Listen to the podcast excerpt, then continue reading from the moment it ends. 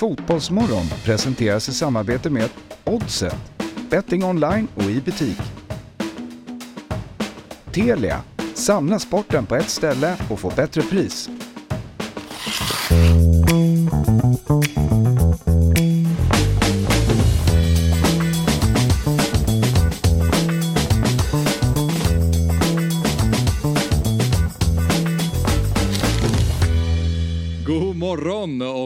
Varmt välkomna till Fotbollsmorgon. Det är Fotbollsmorgon nummer 148 i ordningen. Mitt namn är Axel Inslander och jag sitter här tillsammans med Per Frygerbrant och nu också Äntligen Anders Timell. Anders Timell. Ja, det är småbarn och det är kallt. Vad kallt det var svalt. Jag fick sagt, du vet när man är lite äldre får tårar i ögonen. Ja, ja. Eh, för ingenting. Det kan vara vad som egentligen. Ja. En andedräkt.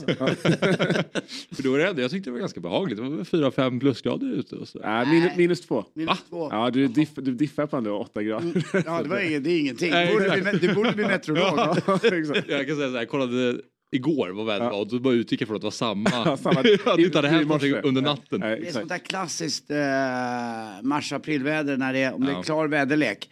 Så går temperaturen eh, ner väldigt mycket på, på nätter och morgnar. För utstrålningen eh, har inget som tar emot. Och är det moln så stannar det. Eh, det blir så kallad inversion kan man kalla det. lite. Inte inversion, men alltså det blir, det, ja, det blir en Ja.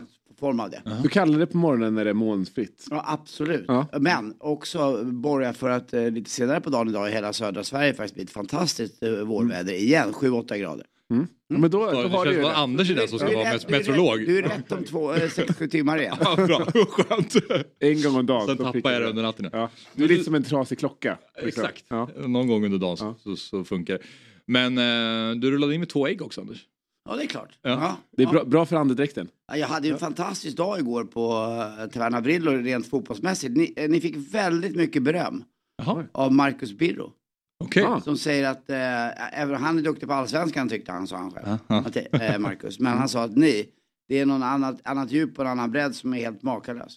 Kul! Ja, sen på kvällen fick jag träffa gamla Häcken-tränaren, guldtränaren, Per- Per-Mattias Högmo var hos mig igår. Oj, Lunch. Birro, kväll Högmo. Ja. Vilken dag på Eh, Brillo. Han och Bosse var där och käkade faktiskt. Ja. tillsammans. Han och Bosse. Ja, kärt återseende. Han tränade ju. Djurgården Just det. 2012. Ja, ja. Då Djurgården, vet du vad de gjorde då? Använde sig av ballett. Jaha. Ja. Alltså i, i, trä, i träningen? Ja, alltså, eh, han fick hjälp av någon på Dramaten i, i träningen. Mm. Eh, han, han kommer ihåg mig från Rish, vi träffades 2012. Okej. Och då berättade han att han kom ner, jag glömde bort det där. Ja, titta, där är jag ju. Ja, där är ni. I vilket syfte använder de balett? Jag tror det var för någon typ av, kanske koordination Ja. eller lära Ja. sig eh, något, något annat än att bara slå inlägg. Mm. Jo- Yoga har ju blivit väldigt populärt Ja. som träningsform bland fotbollsklubbar. Är då liksom ballett den nya, som inte riktigt har slagit igenom än, men som, som kommer som liksom lite kontroversiell träningsform bland spelarna? Ja, kanske, jag vet Ja. inte. Uh, första ut var väl, eh, eller första ut, men var väl, uh, kommer du ihåg Leif Bork när de skulle käka huggorm? Ja, Då skulle man ju ja, få ihop teamet lite mer, men rent kroppsligt så tror jag yoga är väl rätt, populärt. Ja. Kändes spontant, jag skulle inte ta så mycket tips av Leif Bork. liksom. Ha- Han är ju han, ja, spritt språngande. han, han, har ju tapp, han har tappat det. Han har tappat det lite grann får man säga. Ja. Men det är väl eh, bra att utöva fler sporter samtidigt. Alltså, Mm. eh, Zlatan pratar väl ofta om att hans koordination och hans vighet kommer såklart från om det var taekwondo, Taekwondo, ja, han utövade när han var Ja. liten i kombination med fotbollen. Ja. Ehm, så det är, väl, det är väl smart Ja. att då köra fotboll men kanske balett eller någonting annat också vid sidan. Nej men exakt, exakt. Och det med Zlatan, man ser ju liksom på ty, alltså, ganska tydliga mål. Att säga, det här är taekwondo Ja, eh, liksom, mål. Ja. Eh, Som man aldrig hade gjort annars. Man vill ju se liksom, när kommer det första så här, typiska ballettmålet Mm. i Djurgården. ja just det. Mm. Ja, typ och vad är det? Exakt. Ja, Det innan är, och det, sen det är en eh, sportform som har försvunnit. Det är ju, kommer du ihåg ballett va? Som var lite, lite populärt i skidor. Nej. Nej? När de, eh, det var puckelpist, ballett och så var det någon annan, ting, någon annan gren. Då, då, de Okej. satte ner stavarna och alltså, gick Ah. långsamt ner, de hävde Okej. sig ner. Men det, Jaha. det, Det flög inte? Det var det stor, nej, Nej, det flög nej, inte. nej. Exakt så. Nej, Ja. ja, okej. Ehm, men eh, visst är han en trevlig Högmo? Alltså vilken underbar person. Ja, det roliga var att när han kom in igår jag kände igen honom. Ja. Eh, men ibland är det fel miljö och fel ställe. Mm. Och så bara så tittar han på mig. Så, han är från Moss tror jag. Okej. Eh, det ligger ganska nära Göteborg. Han, vi snackade ganska mycket igår. Han, han tycker det är skönt att träna Häcken för att han kan åka hem ibland. Det är bara två timmar hem. Ah, okej. Eh, och han trivdes i Göteborg, det var en fin stad. Och vältränad, 63 bast. Ja. Ja, man känns lite så här, lite att han har... Det, ja, det han känns också som att han är på riktigt. Och det, det tror jag också. Är det någon som är på riktigt som vi pratat om många gånger så är det Bosse Andersson. Vi, Strunt samma vilken klubbtillhörighet Ja. han har. Mm. Men eh, man märkte när de träffades, det var den där, den där kramen som var wow. Ja. Mm, som bara går genom en riktigt fin igen, eh, vänskap och inget inga liksom larv. Nej, nej. Nej, men han verkar ju vara en fantastisk fotbollstränare också. Eller Mm. bevisligen, han har ju vunnit SM-guld med Häcken såklart. Och sen så var han ju bra i Djurgården också. Sen berättade han för mig, jag blev nästan som ni nu här, men de sista 14 matcherna, då gjorde Jeremejeff bara fyra mål. Han var ju framförallt väldigt bra Frans- den första delen. Av Ja, säsongen. första delen så var han bra framspelare, men han var ju, Ja. han var ju inte så, så det var ju verkligen laget Häcken som vann. Ja. Och det är därför det är konstigt att man räknar bort Häcken ganska mycket nu. De är ju inte med i några favoriter till Svenska cupen eller liksom allsvenskan. Eh, mycket på grund för att Jeremejeff inte längre är med i det laget. Men Ja. som du säger, det var ju inte, det var ju inte Jeremejeff som vann dem titeln. Eh, Nej, precis. de bevisade under andra halvan att eh, när han föll ifrån, det var ju då han som tog, och alla sa så här, "Ja, men nu kommer de tappa. Mm. Det var ju då de liksom befäste titeln. Exakt. Nej, när han var med här på länk så pratade han om att han hade infört något som de kallar för Häckenstandard. Och det var för att när landslaget kom och skulle spela där nere i Göteborg på typ deras träningsanläggning, eh, någonting sånt, så kom landslaget och ville ha landslagsstandard. Och då sa Högmo, men vad, vad innebär det? Vad är Häckenstandard i så fall? Om landslaget kommer och ska ha mycket högre standard än vad vi har vardagligen. Och då sa han, nu ska vi jobba utifrån Häckenstandard, att det ska vara det högsta bästa. Och liksom han har, det känns som att han har höjt ribban kravmässigt i Häcken. Ja. Det har uppenbarligen gett resultat.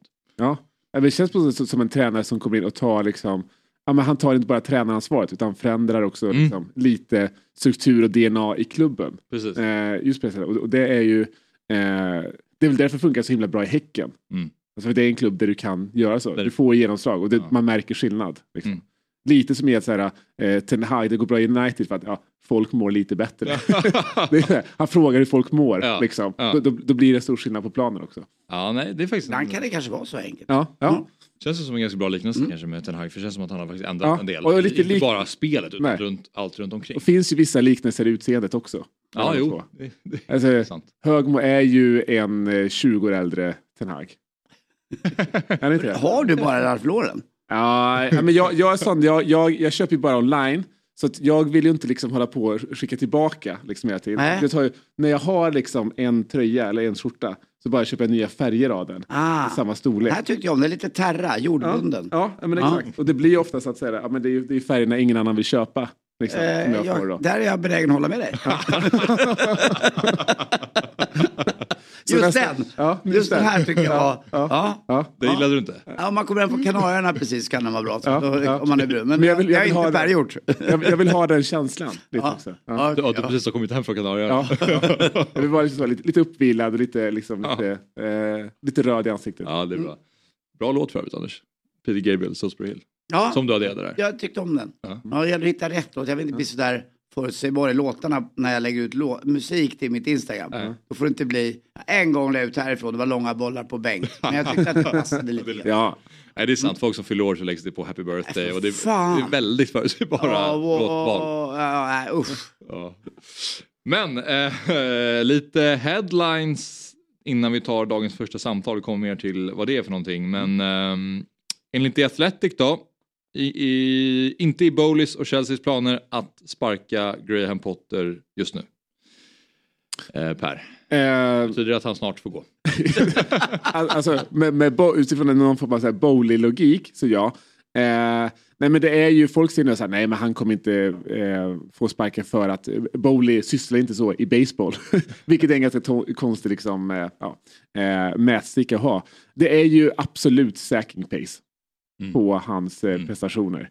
Eh, jag kan väl tycka att så här, jag, ehm, jag, jag skulle inte vilja se honom få sparken. Jag hade inte sparkat honom. För att tar man alla de, det som man håller emot honom nu är ju alla de här miljardvärvningarna som Chelsea har gjort. Jag tror ju inte att de värvningarna är för här och nu. Att säga nu ska vi rädda en Europaplats. Mm. Jag tror att de värvningarna är ju för att säga okej, vi har tappat Europa, vi kommer inte nå Champions League. Mm. Vi behöver värva de här spelarna nu. Eh, och, och bygga för nästa säsong. Då är ju den här liksom våren egentligen ganska ointressant. för Chelsea. Och det mer handlar om att spela in de här nya spelarna till nästa säsong. Och att man bara säger ja, vi, vi glömmer vad det här än är. Liksom. Så även en, en sån klubb som Chelsea kan vara så långsiktiga? Ja, men det är det vi förmodligen inte. Precis, det, är- det är det som, de borde kanske vara det då, Ja. men är det det du menar? Ja, ja. men precis, precis. Eh, men, men, Jag, jag tittade lite på den här eh, matchen i efterhand. Eh, det är rätt bra man får de här fem minuterna. Tottenham-Chelsea Ja? Ja. och, den här VAR, och så var det lite den här VAR-situationen med den här Chelsea-spelaren som Ja. blev lite arg kan man säga. Exakt. Men var inte det en utvisning egentligen? Varför tog han tillbaka den? Det är väl, väldigt konstigt att han tog tillbaka den. Eh, speciellt också när det tog liksom, fyra minuter att Ja. ge det röda kortet. Och sen så direkt efter går han ut och tittar och tar tillbaka den. Den är ju, jag kan väl tycka så här, eh, när man ser den typen av situationer, det är väl ingen som tycker att här, det här är jätte, jättevåldsamt. Mm. Men utifrån alltså, vad som är ett rött kort på fotbollsplanen och om det ändå har tagit fyra minuter på att ge det röda kortet, då är det, ganska, då är det inte clear and obvious att det ska bort. Mm. Nej. Eh, men jag tycker man såg i den matchen lite det som är problemet med, med Potter. Är att han, man kanske underskattade de problemen man såg från honom i, i Brighton. Vilket ju var att eh, spelet är jättefint, Ja. eh, jättebra possession. Eh, men kommer inte till målchanserna och kommer framförallt inte till målchanserna som passar den typen av anfallare de har. Nej. Exakt så är det ju Chelsea idag. Ja. Att de kommer inte till målchanserna och framförallt inte till målchanserna som passar de anfallarna. Så kanske är det liksom en del av hans eh, ja, men tränaregenskaper som man har eh, underskattat lite. Ja precis, för det känns inte som något nytt som du säger egentligen. Att det var lite samma i Brighton, men man kanske accepterar att de inte vann varje Ja, match, gjorde så mycket exakt. för att det var Brighton. Ja, och då här, ja men eh, hade han varit i en större klubb och köpt en bättre nia så hade liksom det blivit massa mål här. Men nej, det verkar inte så. Nej. Nu, nu, nu, nu, har- han haft de där pengarna. Han spelade en likadan fotboll innan han var tränare för Östersund då. Ja, det skulle man kunna säga. Så han förändrade ju fotbollen där ganska rejält. Det var Och det spelade mycket ganska- mer passningsspel, Ja, blev det inte så? Lite, absolut. Alla säger Barcelona men alltså, ja, man passar i alla fall. Precis, Mm. men Ja. Den, ja, precis. Och då, sen hade de ju ett otroligt lag, så det fanns Ja. verkligen förutsättningarna för att göra det. Men eh, det känns som att det har varit hans eh, grundfotboll hela vägen. Så vilken spelare skulle du passa i, hans anfallslinje då? Som skulle passa hans spel menar du? Det, det, det är det som är svårt att veta för att ingen har ju än så länge passat hans anfallsspel. Liksom, I, I de klubbarna han är har det en varit. murbräcka eller en finlirare? Eller är det den typen då? Ja, men finlirare har ju i alla fall, det kan vi konstatera, det har går inte passat. Nej. Eh, och då är ju murbräckan det som är liksom steg, steg två helt enkelt. Mm. Eh, så, eh, men vi, vi får väl se, det är väl det Chelsea har kvar att köpa in i sommar. Det blir några miljarder på några murbräckor så får, får vi se om det löser sig. Ja. Jaha, vi eh, skuttar vidare raskt här i programmet. Vi får återkomma lite till våra headlines tänker jag. För nu ska vi prata med eh, Oliver Lundberg. Och eh, innan jag välkomnar Oliver så ska vi bara berätta lite bakgrunden till att Oliver är med då. För i, i mitten av februari så drog eh, regerande seriesegrarna Levide IF sig ur division 4 på Gotland. Och platsen erbjöds därefter Hansa Hoburg som bäst placerade A-lag i division 5. Eh, och för att rusta inför en tuff säsong så har nu klubben annonserat i lokaltidningen efter en målskytt till den stundande utmaningen. Och då har vi alltså med oss eh, klubbens allt i allo, Oliver eh, Lundberg. Nu då Oliver, god morgon och välkommen till Fotbollsmorgon. God morgon! Hej på er! Hej! Ska vi ta och kika på den här annonsen till att börja med. Hur går det för er med eh, processen och rekryteringen? Ja, det går, eh, det går väl väldigt eh, framåt. Ehm, ja, det går bra, tror vi. Mm. Här ser vi då, målskytt sökes, en pigg målskytt med friska ben söker till, sökes till ett fräscht division 4 fotbollslag på södra ön. Viss erfarenhet efterfrågas, reservplats erbjuds, lönlighet överenskommelse. Eh, vad är det för lön man får i Hansa Huber? Ja, det är ju enligt överenskommelse så att eh, vi har ju... Exakt, vad är det du inte förstår? Ja, hade det inte varit mer lockande med en P-plats istället för reservplats? Ja, men vi vill inte lova för mycket ifall Nej, det som kommer. Liksom. Det kan ju gå lite, jag förstår vad du menar. Ja, så att man ska inte lova för mycket, men är det någon bra som kommer, då, då har vi bra erbjudande, är tanken. Just det. Men eh, vi på Fotbollsmorgon har då eh, tagit del av information att det har förts diskussioner med Halmstad BKs anfallare William Dahlström. Samt Ja, det stämmer. att, att en spelare med imponerande CV ska komma på provspel dessutom. Oj. Kan du berätta lite mer här? Eh, ja, vi kan ju börja med William då. Han är ju gotlänning från början. Eh, lika gammal som mig och sådär. Och eh, han har ju... Vi har ju kalkylerat med att låna in han i år, men sen har vi precis fått reda på att han, eh, ja, Halmstad har gått upp i Allsvenskan. Typiskt.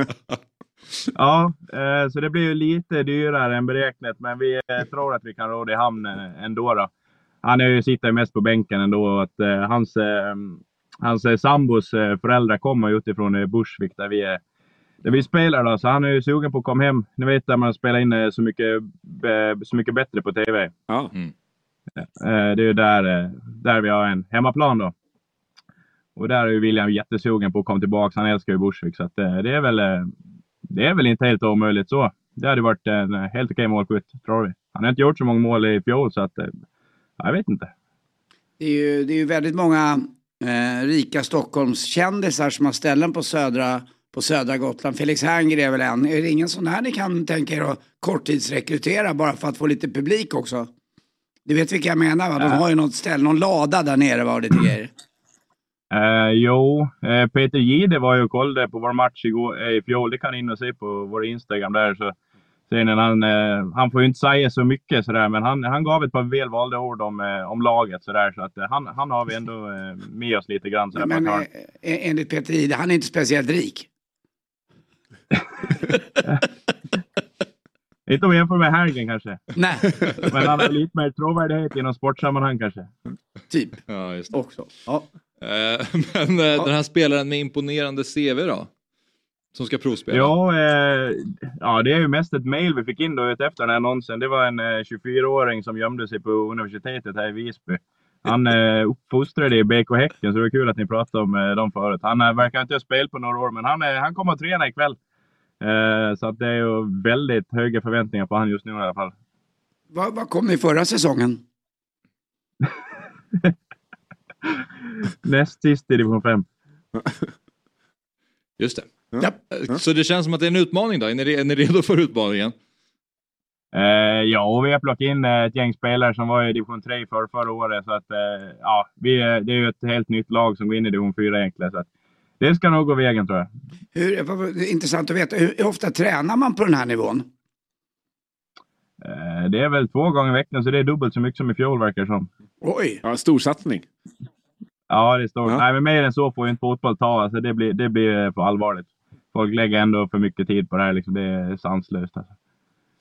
Men eh, bara för att ytterligare förtydliga då, hur hamnade ni i fyran nu? Hur, hur, hur flyttades ni upp om ni hamnade så långt ner i femman?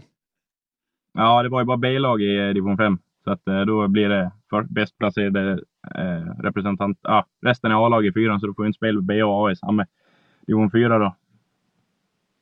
så det kan bli tufft i år med andra ord. Eh, ja, det, det går nog vägen. Ja, ja, ja, vi är positiva. Ja. Vad, kan man, vad kan man förvänta sig då om man faktiskt skulle ansluta till laget? Eh, ja, alltså det är vad du vill. Eh, vi, vi, har ju inte, vi har ju aldrig behövt eh, neka någons eh, krav hittills i alla fall. Så att, eh, det finns goda förutsättningar att möta behoven, tror vi. Ja. Vad är den konstigaste riden du fått så här långt? Det har ju inte varit något... sp- Alltså, det är ett smörgåstårta. Gatorade. Typ. My, mycket chips har det varit prat om, eh, men eh, ja, vi har nog inte sett- de spelarna ännu, så vi vet inte. Mm. Vilka spelare är drömvärvningen för er utöver William Dahlström? Eh, ja, det är Filip Sjölander då, heter han. Han är ju en riktig stjärna. Eh, han har ju tyvärr skrivit på för ärkerivalen nu, så att eh, det är väl den största drömvärvningen. Eh, William Dahlström hade ju varit okej såklart, men eh, som sagt, man vet inte. Han har inte gjort så mycket mål nu på sista tiden, så att det är oerhört oklart. Ja, det är en lite riskabel värvning om man skulle komma in. Ja, jag tror det också. Hans Ja. försäkring, den är nog lite, lite över budget också tror jag. Vi är lite Ja. gropiga planer än eh, de har i Halmstad. Liksom. Ja. Va, vilket är det hetaste derbyt för er? Eh, ja, det, det är eh, efter då, det är de som ligger närmast. Mm. Hur skulle du beskriva fotbollen på Gotland annars? Eh, skral. Eh, det är ju sanslöst att det kommer fram eh, vissa allsvenska spelare som det har gjort ändå. Det är ändå några genom åren, så där. det är ju häftigt. Men i övrigt så är ju själva division 4 och division 5 är ju på... Eh, på alltså det, det trippar ju av lag varje år liksom. Det är ju nästan eh, 10 lag färre nu än för 10 år sedan. Så att eh, det är viktigt att eh, man kan göra allting, eh, allt sånt där runt omkring som är lite skoj som en annons i tidning eller eh, livestreamingar hit och dit med lite roliga inslag så att det blir lite mer, eh, lite mer på, på skoj allting. Liksom. Det är den här eh, allvarsamheten i allting som har gjort att det ramlar av så mycket folk genom åren tror jag. Så det är ju det är inte någon ljus framtid som man ser ut nu i alla fall. Men vi försöker ha roligt i alla fall så att det blir så kul som möjligt. Mm. Vilka, eh, de här spelarna du nämnde som har uh, lirat i Allsvenskan, så, vilka, vilka har vi på den listan? Som kommer från Gotland? Eh, ja, Alexander Ahl, eh, vad heter han, Holmström Just från. Gote. Spelar Det- väl i Gais nu eller Också- någonting. Det var Ja, någon liten, okej. Mm. det var lite stökig övergång var det tal om. Sen har det väl varit eh, en som heter eh, Henrik Löfqvist som var i Kalmar. Eh, Just det. Gärnt då för några år sedan. Mm. Var i eh, Helsingborg och gjorde en jävla massa mål. Eh, sen Lukas Jonsson, han är ju faktiskt här utifrån, så han är ju bara några kilometer från där vi är. Han eh, står väl i Sirius ett tag och sen var det nog mer. Nu är han i Danmark. Eh, Vilken, vilken Ja. är den bästa gotländska spelaren genom tiderna? Alltså bröderna Loob skulle jag vilja dra en lans för, men det var hockey va? Ja, ja. Men, men, men de, var, Ja. de var tillräckligt bra för att även inkluderas i den här listan. Jan, Peter och Håkan hette de. ja. Mm. ja, de var ju skitbra på fotboll också, så att de var ju väldigt bra. Ja. Men eh, nej, meritmässigt då är det nog, eh, nog Gärnt som har gjort flest, eh, Ja. flest mål och varit närmast medalj och allting sånt. Men det, det sket sig lite. Men han är ändå igång liksom. Så att, eh, Mm. så det är väl nog han tror jag. Är det Gute som är fortfarande eh, det bästa laget på, på Gotland? Eh, jo, det är det. De spelar ju uppe i division 2, men det går ju rätt knackigt där för dem. Så att det är ju... Eh, ja. Det, det, det, de hade behövt eh, lite förstärkningar också. Det är väl, det är väl upp till William då också att ta, ta ansvar för dem till slut. Han får ta ansvar för hela ön.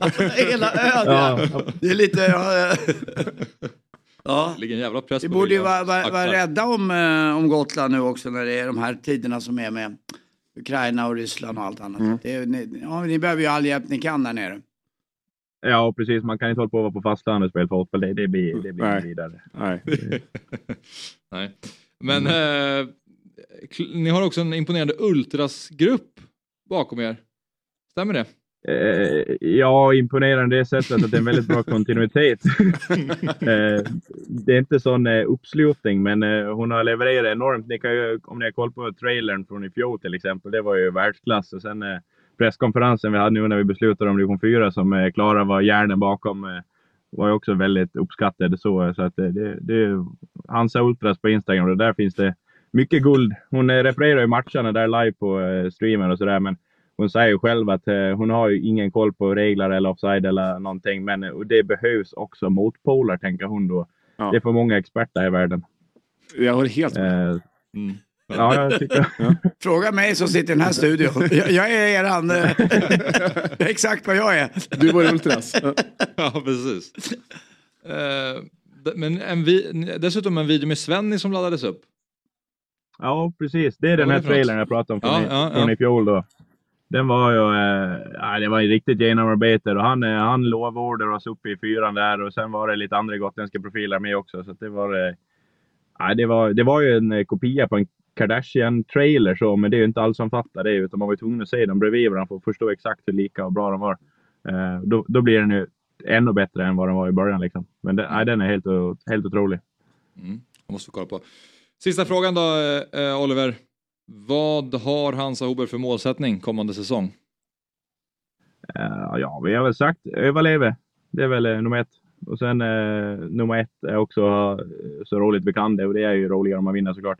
Men vi är ju rätt stor trupp nu och så ska vi ha B-lag i, i division 5 också så alla kommer ju spela som vill. Så vi har ju rätt bra uppslutning på träningarna och så. Liksom, så att det, ja, vi kommer ha jäkligt kul. Får man fråga om någon golfbana öppnat på Gotland än? Eh, det, ja, till fan Kronholmen kanske. Gumbalde är nog, eh, nog lite... Nej, ja, det är väl alltid öppet tänker jag. Jag har ingen koll på den Nej, jag trodde alls du spelade. Ja, det var bara en liten fråga, men vi Ja. vet. Ja, ja. Bra. Ja, Det är liksom division 4, division 5 fotboll. Sen resten, det rör jag inte. Det är underbart. Ja, det är jättebra. Fan, det var kul att prata med dig Oliver. Lycka till nu. Ja, detsamma. Ja, Tack, ciao. tack. Hej. Ha det gott. Hej. Fan, känner inte du dig lite sugen nu då? Alltså, ja, vilken underbar person. Ja, det var det Det är verkligen. därför man älskar fotboll. Ja. Aha. Och det lät som en underbar förening också. Ja, Ja, massa ja. självdistans och... Men däremot blev jag lite ledsen när han sa att, att det var tynande intresse. Mm. Det var skralt på Gotland. Ja, jag kan tänka mig också alla kids som sitter med mobilen jämt eller annat och umgås på det sättet. Det kanske inte blir så mycket kanske, idrottande. nej, man, man vill ju ha lite, så här, lite elitfotboll på, på ön. I alla fall ett superettanlag. Ja, lite. Gotlandsboll. Det hör till. Ja. Ja. Det var bra att du pratade lite golf där Anders. Jag, jag själv är ju också extremt golftokig. Ja, så här Eh, års är det ju. så jag kämpar ju ofta för att få in lite golf i och det är olika produktioner men det är lite svårt. Eh, Har du förlängda klubbor va? Ja, det har jag. Mm. Mm. Inte så mycket som folk tror. Det är bara någon tum tror jag. Eh, Men de Har du hävdar ju då. Jag är en medioker golfare men jag har 11. Ja, Typ. bra. 11, någonting. Var du? Eh, fyra. Oj, Mm. duktig. Ja, jag tycker Ja, det är bra. ja. Ja, ja det tycker jag. Du är så, som Gareth Bale, han har två. Men det där var det töntigaste jag... Alltså att de gör en nyhet av att han spelar en pro-am. Ja. Det är bara att dega sig in i en sån tävling. Är, jag, flera, flera, ja, jag har ju kompisar som spelar på PGA-touren och även folk som har varit med och spelat där. Det handlar inte om kunskap. Uh, och vinner du den där, det där är ju en blandning av ett handikapp och vilket är fantastiskt med golf i och för sig att man kan spela just med handikapp. Men han kommer aldrig någonsin färga in Nej, på de- någon tour någonsin. Om det inte finns en golftour för avdankade fotbollsproffs som inte kämpar i rätt lag. Eh, Det kommer nog snart. ja, De, det kommer de nog. presenterade ju som att han var med i tävlingen. Nej, nej, nej. Det Alltså, du, bara, ja, exakt, och det var ju det som Ja. var så här, då blir folk lurade för det, det var han ju inte. Nej. Eh, Nej. Jag blev lurad, som inte kan gå. Jag förstår det. Ja, Gareth Bale på PGA-touren. nu kör vi. Wow, Ja. hur bra är inte han? Nej, så att, eh, han är säkert duktig, men det, det är så en helt annan nivå på om man är Ja. på de där som är riktigt, riktigt bra. Ja. Det är tufft. Det Men eh, Anders, du var ju caddy åt Rickard S Jonsson också, eller hur? ja, vi vann ju en gång där, det var 2010. Eh, men det På fina... Brohof där, Ja, på. Brohof. Det var första gången jag gick caddy i hela mitt liv så vinner vi på Europatouren. Och det, vet, Det är det var ju folk som hade gått caddy i 20-25 år och aldrig ens varit topp tre. Nej. Och så kommer jag och säger hej hej och så vinner vi. Skämdes du lite då? Alltså lite pinsamt att det gick så bra för dig direkt. Eh, Det, nej, det var det roligaste. Det var bara roligt. Men så Ja. Rickard. Han spelar i helgen nu i Puerto Rico eh, ihop med Norlander. Det är ju två, om man nu vill prata lite golf så här så, Ja. så är det ju så. Men eh, golf är fantastiskt. I helgen vann ju Honda Classic så vann ju en kille som heter Chris Kirk. Chris Kirk, ja. Och eh, för åtta år sedan så la han av med golf. Mm. Alltså la av. För att han hade svåra alkoholproblem och depression. Eh, och sen uh, satte han igång igen och eh, började spela igen och, och övervann de här hindren. Mm. Och det är ju bara i golf, det är ju inte så att en fotbollsspelare slutar spela. Eh, eller i någon annan idrott alls egentligen. Nej. Men golf är så konstigt att man kan faktiskt fortsätta spela ganska länge. Ja. Och att även proffs kan tappa det rent och självförtroende och Tänk att Robert kvalitetsmässigt. Karlsson på ett British Open, på, upp, när han ska spela in, inte kan lyfta klubban och åker hem. Ja. Ja. Robert Karlsson, som Ja. har varit bäst. Liksom. Ja. Kan inte ens lyfta klubban. Det är som att du inte kan slå en bredsida längre. Ja, nej exakt. Men det är Precis. konstigt. Ja. Det är väldigt, Ja. väldigt väldigt konstigt. Ja, Det där är inte Robert Karlsson va? Nej, det är det inte. Det hade varit, det hade varit mäktigt. Men det, är- Men det här är, det här är, det här är, det här är större. Vi kanske Ja, ja, det här är golf, faktiskt- golfprogram du och jag. Faktiskt, jag är Ja, väldigt, känner det väldigt sugen. Ja. Men eh, det här är faktiskt som du säger, eventuellt ännu större. För igår då, då kom nyheten om att eh, landslags, eh, den före detta landslagsstjärnan då, och Malmö-spelaren Ola Toivonen nu ska bli assisterande sportchef för Malmö FF. Eh, utöver sportchefsuppdraget så kommer Ola även ha roll som anfallstränare i Malmö. Och vi försökte prata med Ola, försökte nå eh, honom. Eh, gick tyvärr inte, de, klubben och Ola ville vänta några dagar. Men vem hör man då av sig till? Då hör man av sig till Yrjö Toivonen som är Ola Toivonens far. Mäktigt! Verkligen. Välkommen till Fotbollsmorgon! Ja, hallå, hallå, god morgon, god morgon. Nu ska God ni få höra värmländska istället för en bred, bred stockholmska. Ja, men det, det, det har vi längtat efter hela, hela morgonen. Jag är, jag är den enda värmländska representanten där än så länge. Så, Ä- ä- Min släkt är från Charlottenberg i Värmland. oj, Ja. oj, wow. Ja. Ja, tänker, men då är, då är det Värmlandsmorgon. tänker att ni kan bonda lite nu. Ja, ja. Absolut. Så Ja, absolut. Ja. Men, men eh, ja, din eh, son Ola la skorna på hyllan i höstas och nu blir han assisterande sportchef i Malmö. Hur, vad tror du om honom som, eh, som sportchef, Yrje? Ja, vad ska man säga när man har inte en 24 timmar. Så han ringde till en 20.10 igår och så sa han Vad gör du? frågar man eh, hustrun. Ja, jag är på väg till jobbet. Jag höll på att ramla av stolen. Vilket jobb? Så sa han inget mer. Ska vi be Ylje hålla Då sa han inget mer. Ja, så Okej. sa han inget mer och sen eh, kom det ut. Ja, vad var klockan? Strax efter 13 igår. Så vad jag, vad jag ska säga, vad jag tror om det. om jag ska titta från, en, från den positiva sidan så är det ju så att han har ju förbaskat mycket bra fotbollskontakter ute i Europa. Särskilt i, i PSV och Toulouse. Ja. Så folk känner man ju på det viset, men å andra sidan är det ju ett jäkla skitjobb. Det är ju 7-24 eller 24-7, vilket man vill. Ja. Jag har ju min gode vän Patrik Werner, han, han, han bor ju i mobiltelefonen. ja. Det är jäkla Patrik fin, Werner eh, är vår eh, alltså sportchefen. Så jag, jag är, är, är, är eh, vad heter det nu då? Ja, jag är dubbel Har, du- har du hängt upp eh, kalendern bakom dig bara för, för, för idag eller hänger den alltid där? Det är en Degerfors-grej där bak va? Ja, det är Nej, PSV. är, eh, Jaha, är PSV. ah, P- nära. de bästa lagen. De, de ledde ju med nio poäng Aha. när de vände serien och sen vann de ändå inte. De vann bara cupen. Men Yrje, jag vet inte, du kanske har din telefon, men tror du att du skulle kunna ställa ner den kanske eller bara hålla lite? Det blir, det, Vad ska jag göra? Ställa ner telefonen kanske eller om du håller den lite hårdare bara så att det är lite skakigt nämligen. Så att vi ser det ordentligt tänker jag. Jaha. Ja, jag ska försöka att vara lite mer still. Det är ju nerverna som spökar. Ja, jag förstår det. Men jag, t- jag tänkte, nu när du har eh, lite så här distans till Olas karriär. Eh, det var nu några månader sedan sedan han hade skorna på hyllan. Vad, eh, vi, vi, vad, vad är topp tre de bästa värmländska fotbollsspelarna genom tiderna? Ola är väl med där? Ja, jag vet ju inte om man ska räkna Mellberg som, som värmlänning. Nej, det Han tycker jag kom inte. till Degerfors som 14-åring, så han Ja. får väl fortfarande vara Gullspång västgöte. Så... Ja, Ralf Edström måste ju vara med. Fan, det här är svårt alltså.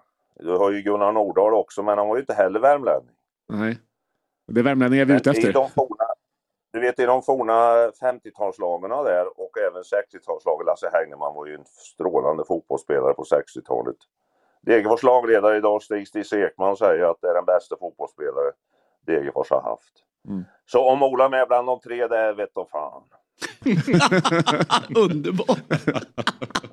Men är han, han är strax utanför eller var, var hittar vi honom? Ja, han får väl slåss kanske om eh, bronspengen. Ja, Ja. okej. Han och Mackan är där och slåss. Ja, verkligen. Mackan blev ju nästan 100 landskamper. Mm. Men det finns ju många fina Ola Toivonen-minnen. Han har målet mot Tyskland i fotbolls-VM, han har målet mot Frankrike på Friends, han har målet mot Holland på Råsunda.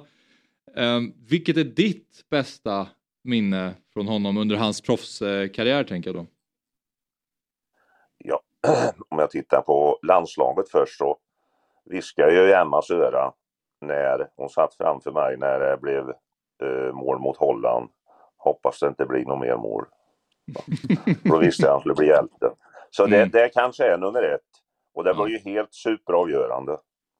Ja, det var det verkligen. Men sen eh, det kanske mest, eh, mest eh, dramatiska, det var ju målet från halva plan.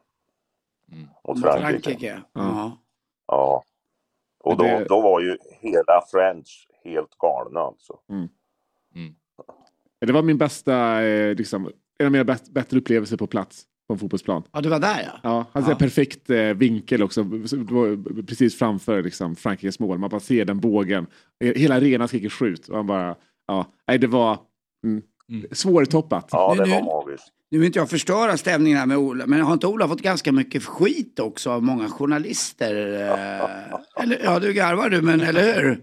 Stundtals. Visst har han det? Han har varit lite illa ansatt. Ja, och det var en period där. Först i Holland. Jag var ju och kollade på, jag tror det var tredje matchen han spelade uppe i Volendam som är en, en, en förstad till Amsterdam. Och där började han med att göra tre mål och sen satte han en armbåge i käken på en. Han blev ju utvisad och började ju skriverierna i Holland och efter det följde jag ju honom genom hela hans PSV-karriär. Mm. Och eh, i det här fallet så var ju inte de svenska journalisterna sena att hänga på. i. Sen var han väl inte så jäkla bra under Hamrén-tiden i landslaget men det blev 64 caps i alla fall. Mm. Ja, det är väldigt bra. Ja, verkligen. Ja, Jag, jag minns faktiskt också den PSV-tiden. Då var han ju verkligen sedd som en bad boy på något sätt. Att han var, jag menar att det var nära ett rött kort i varje match i stort sett. Det var min bild av det då i alla fall. Just, just i, i PSV. Ja, det, definitivt. Han, han hade inte, inte ens PSV-journalisterna med sig. Nej. Nej. Och då var han ändå kapten också under, under en viss period, eller hur? Ja, just det. Näst sista året. Sen sista året blev det skit när, när de hade det här att ingen fick tjäna över en miljon i månaden och om du inte skrev på kontrakt så fick du inte spela. Okej. Men Mm. näst sista året var ju ett stort år. Ja. Men du, när, när Ola nu ska bli assisterande sportchef då, vad tror du att han har för spetskompetenser när det kommer till den administrativa delen av jobbet? Ja, där har han mycket att lära, ska jag lova dig. Men bättre, han skrev, jag såg att det stod någonting igår, att bättre lärare än Daniel Andersson, det, det får du väl leta efter. Okej. Så det, och, och spola in honom där, om, man, om det nu är meningen att han ska ta vid efter Daniel eller inte, det, det får väl framtiden utvisa. Men att få den här chansen och möjligheten, det är ju få fotbollsspelare som får den här möjligheten i, i direkt efter karriären. Det är ju, det är ju verkligen heder åt Malmö att de tror på honom som människa och Ja, person. ja, det, det är väl en heder åt Ola också som eh, eh, att han får det här förtroendet. Han är inte den typiska Malmö-spelaren så att säga. Han är ju ganska ny i klubben. Det var han spelat tre år kanske va? Ja, Två eller tre. Ja, Han, Ja. han är två, två sessioner. Ja. Ja. Ja. Så det är imponerande. Han måste ju verkligen gjort ett bra Ja, intryck. som, som, eh, som far är jag stolt över att han får eh, en karriärmöjlighet här. Mm. Men att han har mycket att lära, den saken är klar. Du, du har ju själv varit aktiv inom Degerfors i flera olika roller. Vad är dina bästa, bästa tips till, till Ola? Var det själv. Mm. Jag är ju själv en gammal finnpojk. Jag var ju ett och ett halvt år när vi kom till Sverige 1952. Inte en finsk familj fanns det i Degerfors. Jo, förlåt, en finsk familj fanns det. Och eh, livet har burit igenom att man måste vara sig själv. Mm. Men hur, är du besviken på att han inte vände hem till Degerfors? Nej, definitivt inte. Vilken, eh, vilket eh, liv de har i, nere i Lomma. Och, och hustrun Emma har ju ett kanonjobb på Riksbyggen och barnen har 25 meter till skolan och utanför det så är det en multiarena som Lillnils och Selma spelar fotboll på. På fritiden dagarna i ända. Nej, det är ingenting att flytta till Degerfors inte. Men eh, har- Patrik har försökt ändå va? Ja, det var ju Ja, det var en hel del eh, snack i, i, när han var i Australien. Ja. Just det, han var i Australien också. Ja. Jag gjorde en massa frisparksmål vill jag minnas. Ja jävlar vilken balja han var i derbyt mot Melbourne City alltså. Ja, kanske var... Det var, jag bruk, eh, barnbarnen brukar säga när man skjuter i krysset så skjuter man i kryllan. Mm. Och det var superkryllan. Det, åh, nu känner jag igen mig igen. Det här, det här är mina vokabulär. Kryllan ja. ja. Ja, men är det på söndag, då väntar Malmö i Svenska Cupen för Degerfors. Ja, Hur går dina bli- känslor där? ja definitivt för Degerfors. De kommer, Malmö kommer att få en jäkla match alltså. Mm. Jag, jag börjar tänka på, jag var och tittade på Skövde nu mot Degerfors. Och det var ju en ganska jämn match. Men det som eh, talar för Degerfors i träningsmatchen, de har ju knappt släppt in mål. Trots att Granat är skadad nu som är på väg att bli kanske Degerfors, inte bästa, men en av de tre bästa spelarna under det här spelåret. Jag har följt en hel del träningar. Mm. Så eh, de, de kommer att jobba hårt Malmö för att få hål på dem. Vad, vad, vad tror du om Degerfors inför den här säsongen då? Vad tippar du om? Ja, om vi får ingen målskytt, då är vi livsfarliga. Då kan vi vara i mitten. Mm. Uh, Liljejuggen här som, jag kommer inte ihåg hans namn, men jag kallar honom för Bobo Paukovic som var en legend i Degerfors på 80-talet. Och Degerfors har aldrig misslyckats med jugoslaviska importer. Så där, där har vi ett, han är riktigt, riktigt bra på mittfältet. Mm. Eh, Måste bara fråga också om eh, matchen i höstas då, sista omgången när eh, Malmö tog emot Degerfors va? Olas sista match. Ja, Det var ju lite speciellt, jag kommer inte ihåg exakta förutsättningar. Degerfors slogs väl för överlevnad och Ola ville inte göra mål. typ så. det får han svara på själv. Han var jävligt bra att han inte gjorde något, för han gjorde ju två på Stravalla. Ja. Men eh, hur, hur, Det var- hur gick dina känslor och tankar när, när det var den där sista matchen för eh, Allsvenskan och Olas del? Ja, det, det, var, det var ju nerverna utanpå. Hade Degerfors tagit en poäng var de ju klara. Vid förlust så berodde det ju på hur det gick för Varberg. Ja, jag kan säga att när Degerfors gjorde 2-2 så var Olas äldste bror Petter, han skrek så högt så hela läktarsektionen vände sig om och så gick det sönder en muskel under revbenet på. Jag märker på dig nu att du känner igen den där känslan från då. ja, vi var väldigt, väldigt glada och sen den otroliga avtackningen från, från eh, publiken och Malmös sida, det var ju enormt och följde många tårar. Mm. Ja, men eh, när skulle du jag säga att eh, Ola var som bäst i sin karriär? Vilken version av Ola var den bästa? Ja, det var när han var i PSV de sista åren. Han var jäkligt bra när han kom dit också alltså. Mm. Det, det, det var han. Och han. Han fick ju en plats i, i, i startelvan direkt. Och det, är- det är inte många svenska spelare som åker ut i, i en storklubb som PSV och tar en startplats i forwardsligan. Nej. Sen var han, jag, jag var i Rennes då när han kom dit. Och gjorde premiärmatcher mot Lyon. Och en känd inneback som Umtiti, jag vet inte var han är nu, men sist jag läste om honom var han i Barcelona. Han blev utvisad då. Och sen avgör Ola matchen. Eh, Rennes-Lyon 2-1. Det var ju ett otroligt smällresultat och Rennes var ju på nedre halvan. Och eh, Monastir då, det var ju han som hade sett ut att han ville ha Ola till varje pris. Det, det första året det var han för jäkligt bra. Du verkar ha dåligt minne vad det gäller Olas karriär hade, tycker jag. det, faktum är att han hade så hög lön i Rennes så att de kunde inte ha honom kvar. Det var därför de sålde honom till Toulouse. Ja. Ja, okej. Mm. Men eh, sista frågan då innan vi ska släppa det. Men eh, såg du omgående tidigt eh, när han var liten att det här är en eh, talang? Ja, definitivt.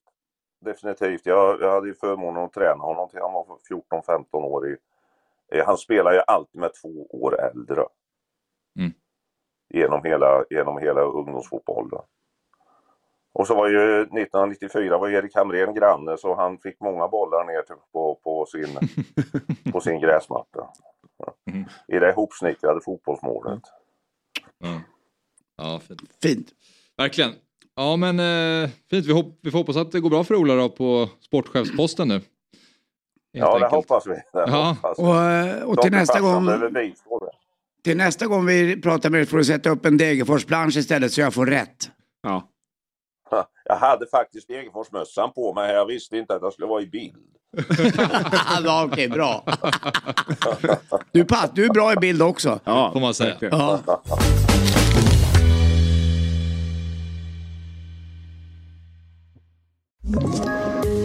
Poddtips från Podplay. I podden Något Kaiko garanterar östgötarna Brutti och jag, Davva, dig en stor dos skratt.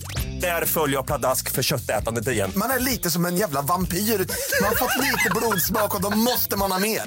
Udda spaningar, fängslande anekdoter och en och annan arg rant.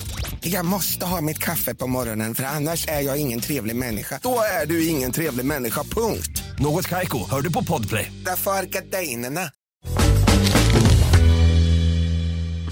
Anders, du började skala ett ägg också. Jag gillar det. Jag käkar alltid två ägg. Ja. Varje morgon. Hej, hej. Tjena, god morgon. Myggan! Välkommen in i studion. Tack så jättemycket. Kul att vara här. Ja, fint att ha dig här. Ralph Lauren-brorsan. Ja, där är det. Ja. Ja, till, men där var en färgsprång snygg. Ja, precis. Förlåt. Jag, jag är van. Jag är van. Ja. Men ni, körde, ni körde gotländsk fotboll här. ja, Det är min expertis på somrarna. Är det så? Då? Vilka? Driver, jag driver Gotlands bästa restaurang, GT-villan, varje sommar, åtta veckor. GT-villan låter det. Ja, tillsammans med Fabian Olli Johansson, ett geni. Men vi är i norra Gotland, så vi Var på Gotland? Alltså, precis vid flygplatsen, där Krusmyntargården ligger. okej. Ja, Så att det är väldigt nära Visby. nära Visby, ja, precis. Ja, 8-9 kilometer blir det. va? Sånt. ja, okej. Och vilken fotboll är ni konsumerar då? Eh, Västskinde AIS, fyran. Så det är sen gammalt. De får en konkurrent nu. Ja, jag såg det. Ja. Inside gotlänning skickade, det där är Gotlands chips snubben. Han som har företaget Gotlands chips. Fick jag höra. Mm. Jag måste fråga en sak. När du säger Kristmyntargården, är det upp mot snäck där? Nej, nej, nej utan, utan liksom eh, flygplatsen och sen Alltså, så ännu, mer, bort. ännu mer norrut ja. efter det. Kommer du ihåg? Ja, ja, visst, självklart. Där har jag sett eh, finns kvar. Robin Rass och eh, Leila K med Gatte Gatte Gatte Gain and Gain and Gatte Gatte Ja, ja, jag hör det. Rock the nation. Ja, Om ni kommer ihåg. Ja. ja. Ja. Tack. jag tror det. Tror det. Nej, men Snäck finns väl kvar i någon form liksom. Det är lägenheter och pizza bak nu för tiden och pool tror jag. Och sånt. Så att Så det finns, ja. Ja, nej men eh, som sagt var, så att eh, fina Gotland. Många som har med på. Gotland. Jag har jobbat på Tofta några år. Ja. eh, På campen. Det, är- det, men det är ju Ibiza nu för tiden. Har du varit där nu? Sen de Nej, jag vet. Men det är väl Herregud. och Alltså, det- ja, det, är, det, är, det är lilla, lilla Ibiza. Ja. Kallas det för i folkmun. Ja, det, är det så? Nej, vi kallar det för lilla Ibiza internt. Men det är fint. Det är fint. Men Myggan, Mm. du ska leverera lite genialiska speltips. Precis så. Och här kan man då rygga eller se dum ut om man inte gör det.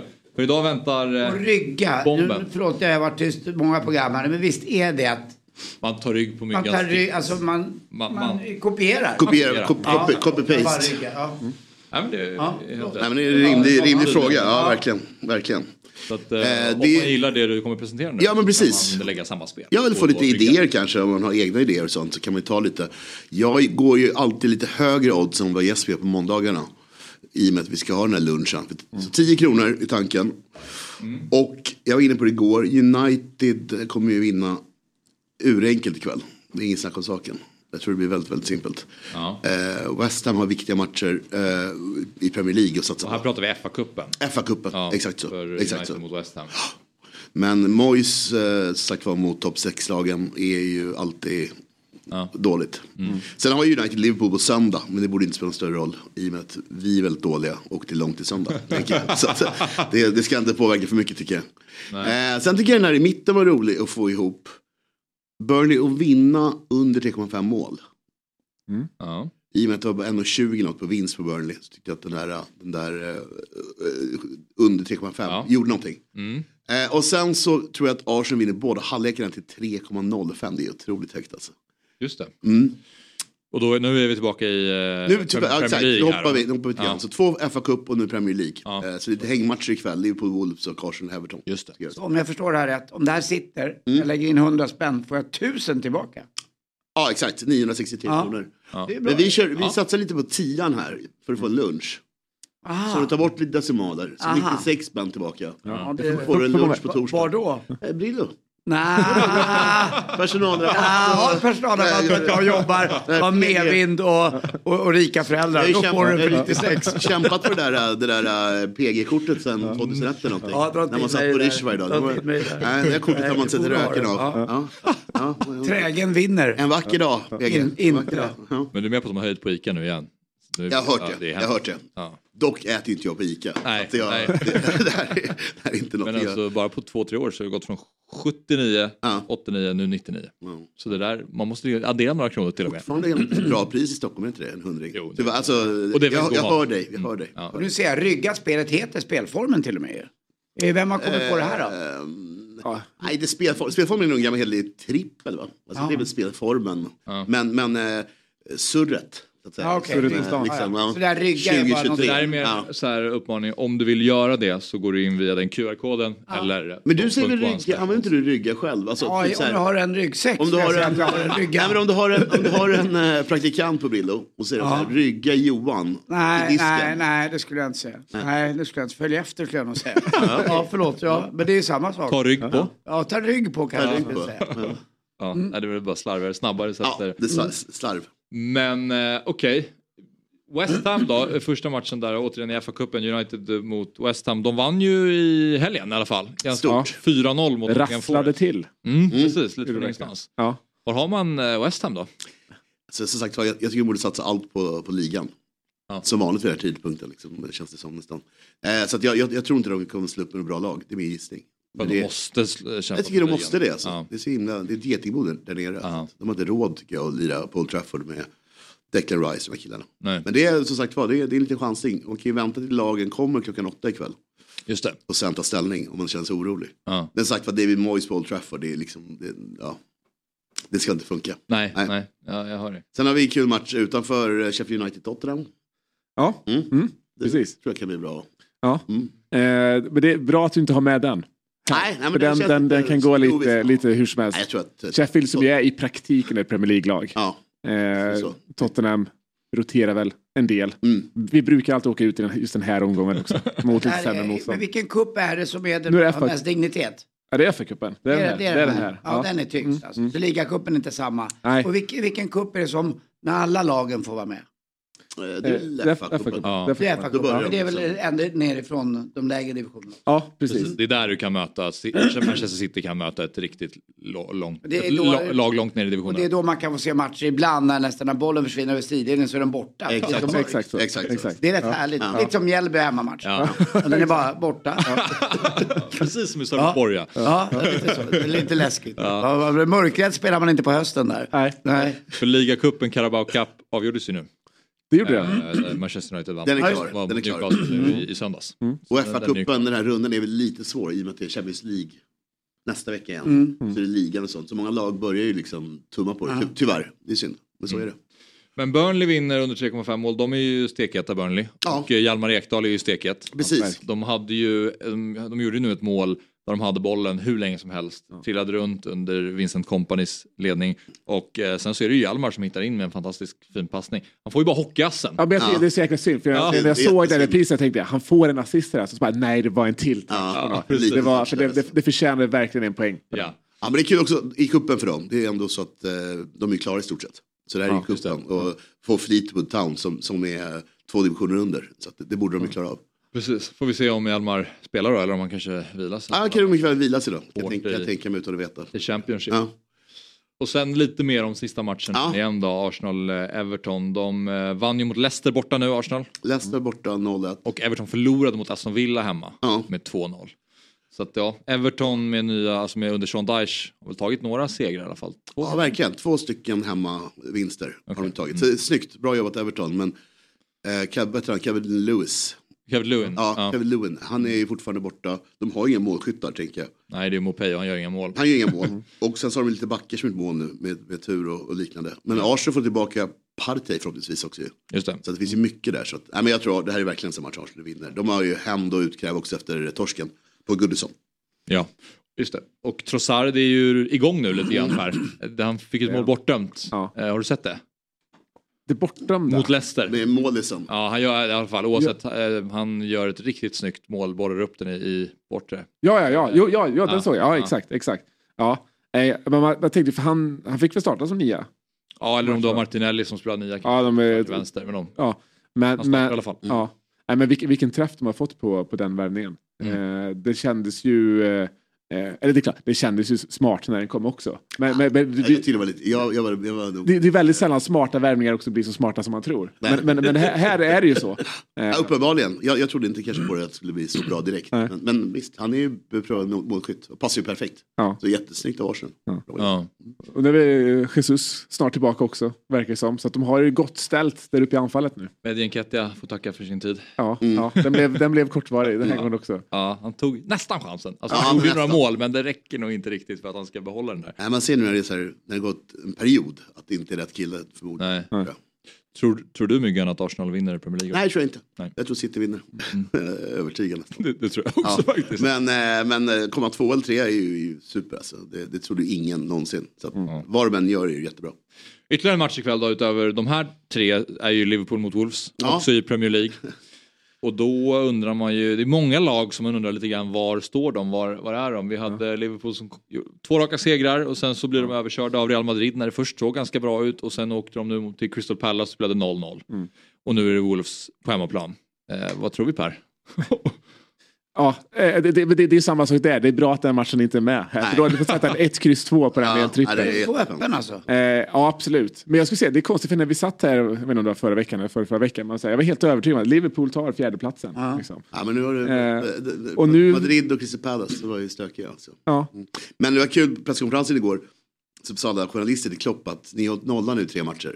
Mm. Till slut, han bara, vad bra, liksom, hur ska vi inte nämna Real Madrid-matchen? Ja. För de pratar ju bara Premier League-matchen. Det låter ju så bra, ni har nollat. Han sa, vad pratar ni om? Så att, nej, nej, men det, var, det, det, det är nog väldigt öppet ikväll. Men med det sagt, tre Premier League-matcher, två vinster, ett kryss, är ju liksom, det är bra. Ja, Ja, Premier League-formen är det Ja, det inget går fel inte att på. gnälla på liksom. Så beroende på hur det går ikväll, om, om det är minst ikväll, då får man väl säga att okej, vi är på rätt väg. Men är det en torsk ikväll? Eh, Och Darwin Nunez verkar faktiskt vara tillbaka. Ja, exakt. Och det var ju en riktig boost. Och Diaz spelar liksom med boll och sånt verkar det som. Så att, Är det så? Ja, i någon Det vecka tror jag Ja, det blir jättebra. Så det är nära. Men, men än en gång, det, vi, vi får se. Vi får se. Om man vill rygga Myggans trippel Tack. så kan man göra det via dobb.one slash oddset eller använda QR-koden som ni som tittar ser i bild nu.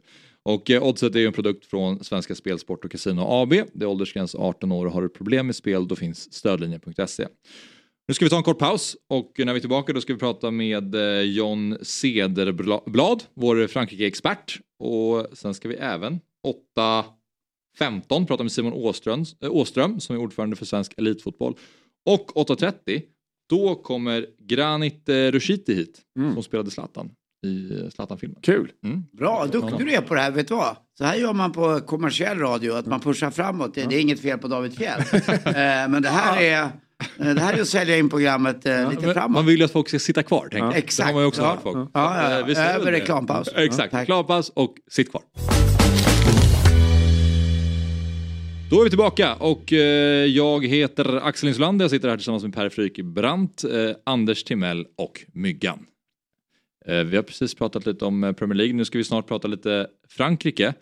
Eh, jag, jag såg här ute i kulisserna, vi har Emrik som jobbar på redaktionen, han har på sig en Gassa-tröja.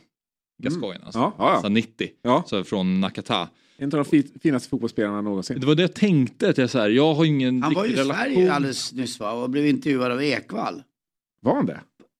På, Var det så? Ja, han var ju någon event i Malmö. Något. ja. Paul Gascoigne. Vi pratar Paul Gascoigne. Ja, ja. Ja, ja, absolut, han var det. Ja, han hade ju varit lite på deket, så kommit tillbaka, Ja. det tufft. Och, Ja. eh, och Patrik var nere och intervjuade honom. Absolut, Ja. det såg jag på Patriks Insta- Instagram. Mm. Han ska bli deckarförfattare nu också. ju. Ni får hänga med lite. Oj, Verkligen. Det är- Bra Alltså. Ekvall, inte Gascoigne. Jaha! Jag, jag tänkte, det här var. Nej, nej.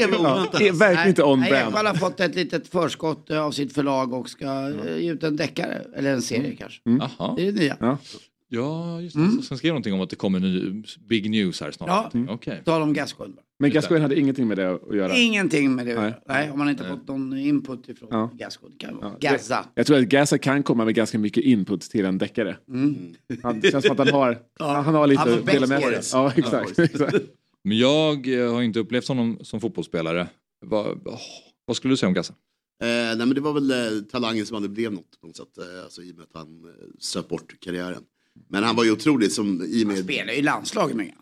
Ja, ja verkligen. Ja, Han ju han jättebra. blev ju men, men verkligen, och han var ju en proffs utomlands. På den tiden var det Ja. jätteovanligt. Så att, visst, superbra. Men han kunde ha blivit Det får liksom... inte ta ifrån. Alltså, Nej, nej, Niklas Kult är... Det ska jag inte göra. Niklas Kult, vi ska inte hamna där han igen. Ja. Men äh, inte Nej, förlåt, han var en stor förlåt. stjärna. Han var en jättestor stjärna. Men, Geni. men eh, förhoppningarna var ju, var, var ju där uppe. Någon Maradona-light liksom. Och det, Mm. Ja, det det blev det ju aldrig. Nej, det var det. Och sen var det lite mycket klubbyten och sådär liksom. Och dålig stämning i truppar. Och, han var ju bråkig liksom. Han var ju... Mm. Du, du vet för mycket väl. Ja, absolut. Tottenham, absolut, absolut. Tottenham-eran. Ja. liksom. Ja, men då, och då var det så mycket en, en del av Tottenhams DNA att vara så Ja. också. Alltså, här, Tottenham på liksom, tidigt 90-tal, det skulle ju vara, det var bara flärd. Det var inte snack om liksom, någonting annat. Det spelar ingen roll, vi, alltså, fyra anfallare på planen, så här, vi ska inte ha en jävla ungdomsakademi eller någonting. Utan, så här, det, det, det ska värvas liksom. Det ska värvas. Dyrt och- och bra, tid, bra tid. i Ja, Tottenham. stjärnglans. Ja. Eh, och eh, men sen så tog jag hem en, en, en FA-cup också, som ju är den senaste största, största, ja. titeln. Mm. Liksom. Eh, så att han är ju för alltid ingraverad Mm. i Tottenham-DNA. Eh, nej men också v, eh, EM, eh, hemmaplans EM Mm. var det ändå kung. Så att, eh, i England är ju såklart eh, otroligt stor. Kan jag förstå. Men med det sagt så slösar han bort karriären på, Mm. Ja, ja. på mycket annat. Absolut. Eh, Ja. Vem är den största för dig, eh, Tottenham-spelaren? Jag förstår att Harry Kane kanske har seglat upp där nu när han dessutom har slagit målrekordet. Men om man bortser från Harry Kane då? Ja, men kollar man bara i storhet så är det nog Assa. Där. Ja, okej. Är det Eh, så? ja. Jag skulle Alltså underbarnet som aldrig blev något. Mm. Så att, ja. Anders gillar inte den. Larger, larger, larger than life. Eh, grejen är större kanske. men, men jag tänker, det, det, är också, så här, det, det är också väldigt mycket Tottenham-DNA över det. Att vara det underbarnet som aldrig blev något. Liksom. Men vad spelar inte Glenn, Ho- Hoddle. Jo. spelar inte han där med Absolut. vänsterfoten? Ja, Va? Var precis. inte han magisk? Jo, men nu, nu tänker jag liksom utifrån mitt Ja. liksom, perspektiv. Mm. Så. Sen, sen eh, vissa hade säkert tagit liksom, Hod, äh, Hoddle där uppe. Eh, över honom. Eller Anderton kanske. Ja, eh, precis. Eh, lite, lite, lite, lite sick note Ja, över honom för att kanske vara eh, eh, hö- högst, Högst upp, upp. ja. Nej, verkligen. Eh, Säger de David Ginola? Absolut. Åh, han, han, han är ju också vad Alltså, gäller... han var så snygg. Han var han på Ah. reklamen. Ja, men det, det, det är ju den, den snyggaste. Eh, vi har, i alla fall. Det- Han vinner den. Ja, exakt. Ja. Okej, men det var ingen fotbollsmässigt så... Nej, men han, han var ju lite på ålderns höst när, när, när, när han kom så. Men, men det var ju, det är också en del så här, det, det spelar ingen roll om man är så bra. Det, det är stjärnglans och det är snygghet och det, det är det det ska vara i Tottenham. Då i alla fall. Ja, Nu är det ingen stjärnglans. Sen kom eh, Martin Joll och så dog han. Ja, exakt. exakt. Lite så. Så var det. Så var det. Ja. På tal om snygga. Ja, nej, men nu ska vi prata med John Cederblad och jag ska bara berätta lite om lite som har hänt inom eh, fransk fotboll senaste tiden. Då. Det har varit några händelserika dygn fyllda av skandalrubriker. Igår blev det officiellt att ordföranden för det franska fotbollsförbundet Noël eh, Legret avgår efter anklagelser för sexuella trakasserier. Samtidigt så stormar det kring det franska damlandslaget där flera stjärnor spelvägrar på grund av missnöje mot förbundskaptenen. Och igår så kom även rapporter från Lekip om att PSGs klubbpresident Nasser Al-Khelaifi utreds misstänkt för tortyr och kidnappning. Eh, vi har med oss John eh, Cederblad nu, expert på fransk fotboll, tidigare redaktionschef på Svenska fans för att reda ut vad som har inträffat. Eh, god morgon John och välkommen till programmet. Tackar, tackar.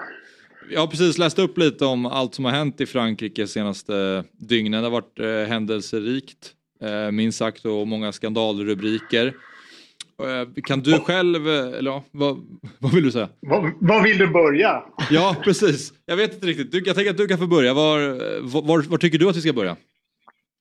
Eh, det- det pågår ju en två, tre, fyra olika saker. Men det största som hände igår var väl att, att Franska fotbollförbundets ordförande avgick efter eh, att eh, idrottsministern hade gjort en undersökning om arbetsmiljön på eh, fotbollförbundet och sagt att det var nog dags att kliva av. Mm. Men det här är ju det här är ju bara, vad ska vi säga, det här är ju bara det sista som har hänt i en tre, fyra års skandaler med sexuella trakasserier, dålig arbetsmiljö, felaktiga uppsägningar och allmänt dålig stämning på fotbollförbundet. Mm. Mm. Ja, för han har alltså haft en ledande roll inom fransk fotboll sedan 90-talet. Så han har ju varit med ett tag. Han var, eh, hela 90-talet i princip var han väl var han ordförande för det som vi, ja, motsvarigheten till SEF. Och sen så har han varit eh, borgmästare, klubbpresident och de senaste vad blir det, 12 åren har han varit ordförande i fotbollförbundet. Då. Så det, det är en gu- gubbe som har varit med i 40 år. Mm. Men, eh, och hur, hur omskakande är den här nyheten i Frankrike? Den är... Det, det kan leda till att, att man får göra om allting. Alltså att han avgår innebär att eh, man också avsätter gen, generaldirektören som man faktiskt gjorde redan för några veckor sedan. Hon blev så, hon blev så tagen av det att hon fick en eh, Ja, hon fick en hjärtattack och eh, åkte in på sjukhus. Eh, det kommer också leda till med största sannolikhet att franska eh, damlandslagets förbundskapten kommer att tvingas avgå. Men det är inte klart än därför att fyra spelare i damlandslaget strejkar nu inför VM om hon inte avgår, förbundskaptenen. Ja, precis. Berätta mer om den strejken. Alltså, eh, Corinne Diacre, som hon heter, förbundskaptenen, har varit kontroversiell i princip sedan hon startade, men, men eh, mer och mer de senaste åren. Från början sågs det här som en, eh, en kampanj mot henne från Lyon, då, som är Frankrikes och kanske Europas eh, bästa eh, fotbollslag på damsidan. Men nu börjar även protesterna komma från andra spelare. Eh, lagkaptenen representerar väl i och för sig Lyon då, eh, eh, Wendy Renat. Eh, men nu har även toppanfallaren eh, Katoto eh, hoppat av. Hon spelar ju PSG. Så att, eh, det är fyra, vad är det, fem månader kvar till, till VM och nästa vecka så ska då förbundet bestämma sig för om man ska utse en ny förbundskapten. Okej. Okej. Ja. Men eh, så hon ser alltså ut att få lämna sitt uppdrag? Absolut, absolut. Det, är det blir svårt om de fyra största spelarna vägrar att spela. Å andra sidan blir det nästan lika svårt att eh, sätta in en ny tränare för spelarna har redan utsett vilken förbundskapten de vill ha. Och frågan är vilken chef eller vilket förbund som vill låta spelarna bestämma allting. Så att det, det är en knivig situation. Mm. Eh, jag tänker, här, här i Sverige har vi en het debatt nu om liksom ledandeskapet inom eh, fotbollsförbundet. Jag kan väl tänka mig att, eh, och, och då liksom i, i de, stora, de stora frågorna, hur det är en väldigt polariserat eh, ja, men fotbollssverige också, det, det är ju uppenbarligen även nu i, i, i Frankrike. Hur går diskussionerna där, skulle du säga, kring eh, ja, men, hur, hur fotbolls-Frankrike ska ledas framåt nu i ljuset av det här? Alltså, problemet tror jag har varit eh, eh, i Frankrike är att, att eh, Noël de Guret, som han heter då, avgående eh, ordföranden, har, har styrt fotbollförbundet i princip ensam, även om man har ett vad de kallar för COMEX, exekutivkommitté med Jean-Michel Aulas som ni kanske känner till från, från, som Lyon-president och en massa andra kända eh, ex-fotbollsspelare, både dam och herrsidan. Men han har skött det här själv.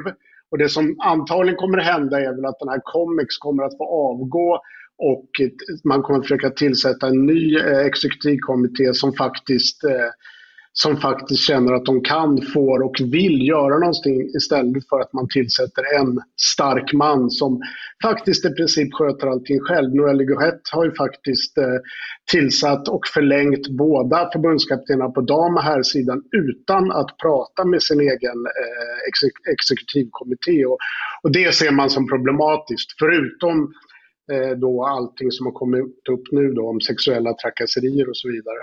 Så det, det, det är en omstrukturering av toppskiktet helt enkelt? Det tror jag. Och, och eh, elefanten i rummet i allt det här är ju nu Didier Deschamps då, som, som inte har varit inblandad i det här, kan, eh, ska man väl säga då, men, men som faktiskt blev förlängd eh, ensamt förlängd av eh, eh Noël de Guret, avgående ordföranden, strax innan jul utan att eh, ordföranden pratade med sin kommitté. Så frågan är vad som händer med Deschamps nu. Även om eh, han väl egentligen inte är särskilt ifrågasatt. Men det finns ju en, en Frankrikes populäraste fotbollsspelare sitter ju i kulissen och väntar på att ta över. Så vi får se. Zinedine Zidane alltså. Mm. Mm. Det, här är, det här är slutet på en era kan man säga som inte har varit så, så sund, eller hur? Det är slutet på en era som inte har varit sund på något sätt. skräckberättelser från arbetsmiljön på förbundet. Samtidigt så har Franska fotbollförbundet en god ekonomi. Man har spelat två raka eh, VM-finaler, man har en EM-final 2016. Så sportsligt så har det i alla fall på här sidan gått bra. Men, men organisatoriskt så tror jag att man kommer att försöka göra någon slags tabula rasa nu. Om det går. Och det är väl just därför kanske den här eran har pågått så länge, tack vare resultaten. Så är det verkligen och eh, resultaten har gett en god ekonomi. Eh, så så är det.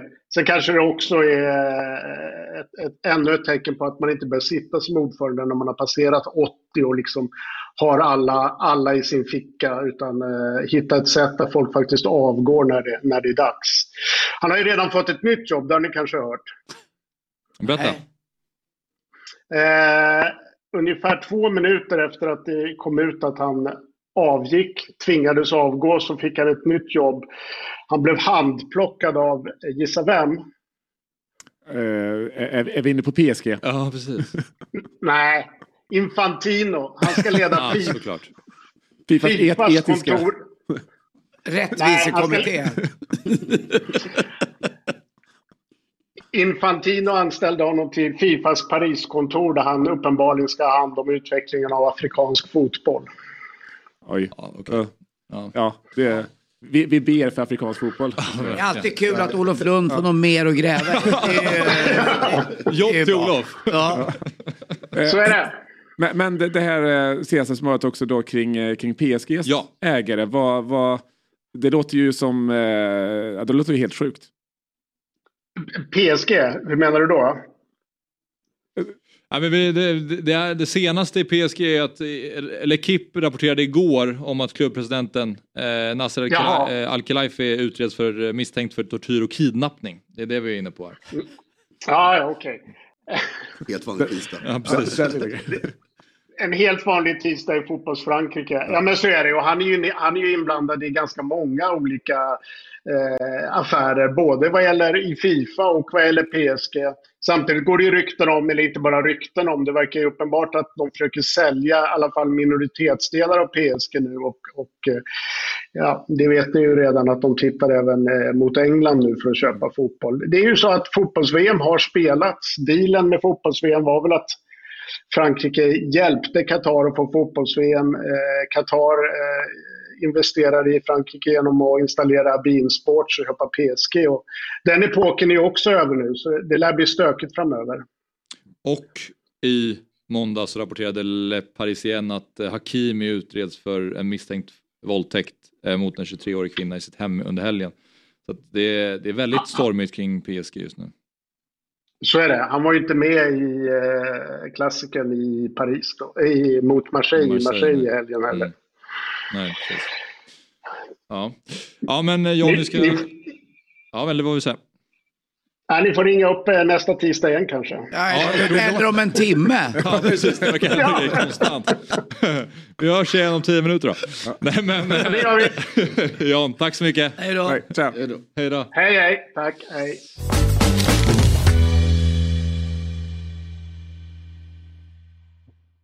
Ett poddtips från Podplay. I fallen jag aldrig glömmer djupdyker Hasse Aro i arbetet bakom några av Sveriges mest uppseendeväckande brottsutredningar. Går vi in med hemlig telefonavlyssning och, och då upplever vi att vi får en total förändring av hans beteende. Vad är det som händer nu? Vem är det som läcker? Och så säger han att jag är kriminell, jag har varit kriminell i hela mitt liv men att mörda ett barn, där går min gräns. Nya säsongen av Fallen jag aldrig glömmer på Podplay. Eh, vi ska gå vidare raskt här då till eh, Simon Åström som är eh, svenska, nej, ordförande för svensk elitfotboll.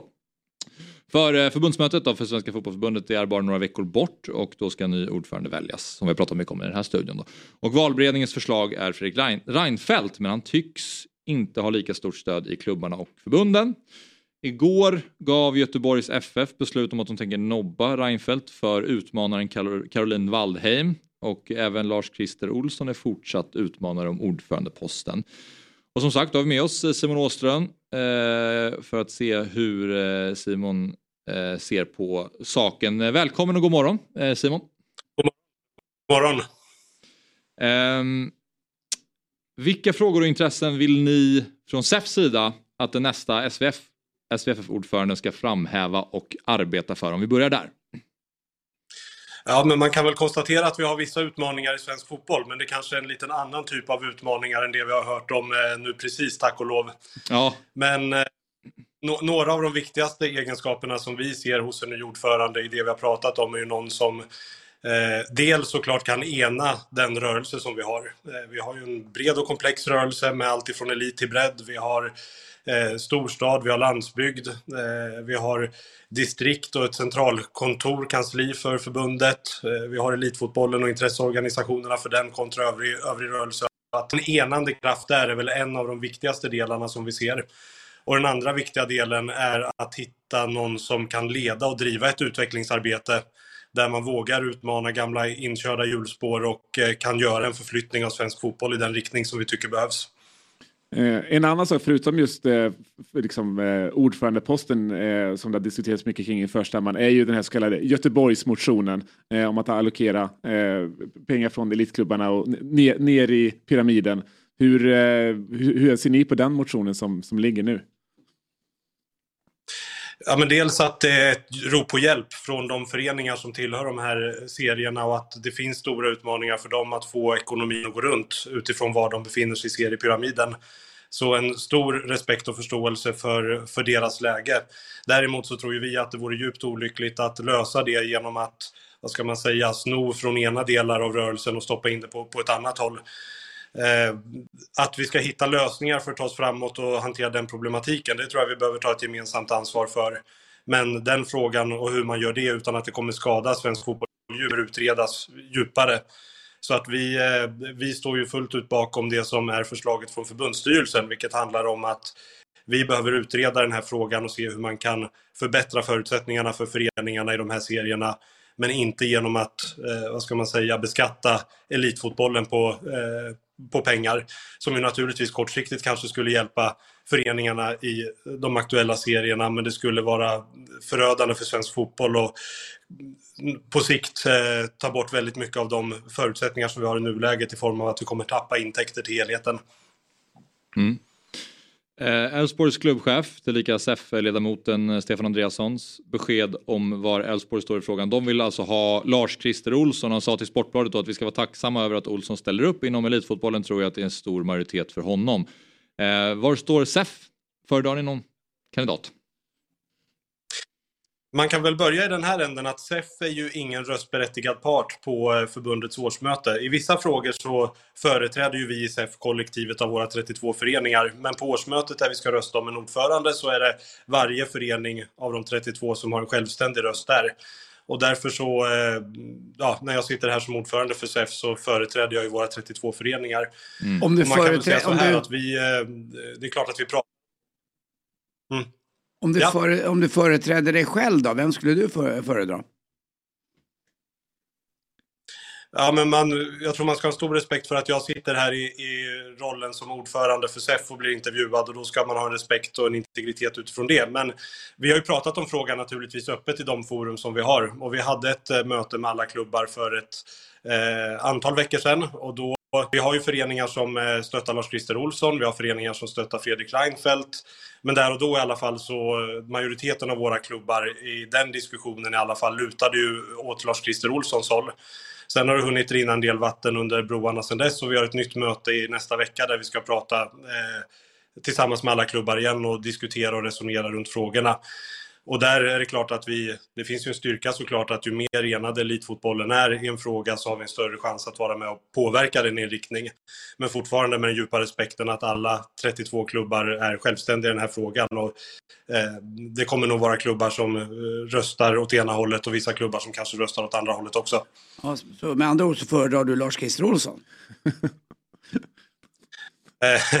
Ja, men det, det är en bra fråga. Jag, jag tror ju så här, Lars Christer är någon vi känner väldigt väl från elitfotbollen som vi har jobbat, eh, jobbat med och vi vet, vi har en väldig respekt för hans erfarenhet och kunskap inom, inom fotbollen på egentligen alla de nivåer eh, som finns eh, med hans väldigt, väldigt långa bakgrund och erfarenhet just där. Sen tror jag personligen också så här att ordförandevalet nu är såklart otroligt viktigt för svensk fotboll och det ligger ett jättestort fokus nu på vad som händer den närmsta månaden och vad som kommer hända på årsmötet. Sen ska vi komma ihåg, och det tror jag också behöver bli en viktig del av debatten, att av de kandidater som kvarstår, det är ju inte så att någon av dem är gröngölingar eller något sånt, utan det är, det är kvalitativa eh, seniora kandidater och det viktigaste sen, det är ju inte vem som väljs på årsmötet, utan det är vad som händer därefter. Och vi ska komma ihåg att i svensk fotboll så, vi har ju inte ett presidentskap på det sättet där en ordförande är en allsmäktig enväldeshärskare på något sätt utan en, eh, det är en jätteviktig roll, det ska man inte förringa såklart och det är den personen som ska leda och driva den utveckling som vi har framåt. Men dels finns det en styrelse som ska tillsammans med ordföranden fatta ett antal beslut där och sen är vi en folkrörelse så att det är ju alla delar av fotbollen som gemensamt måste ta ansvar för att vi kommer till rätta med en del av de utmaningar vi har och driver på det här framåt. Så att jag tror också att man ska komma ihåg att en ordförande ensamt löser ju inte allting utan det vilar ett stort ansvar på hela fotbollsrörelsen i vad som händer efter valet. Ja.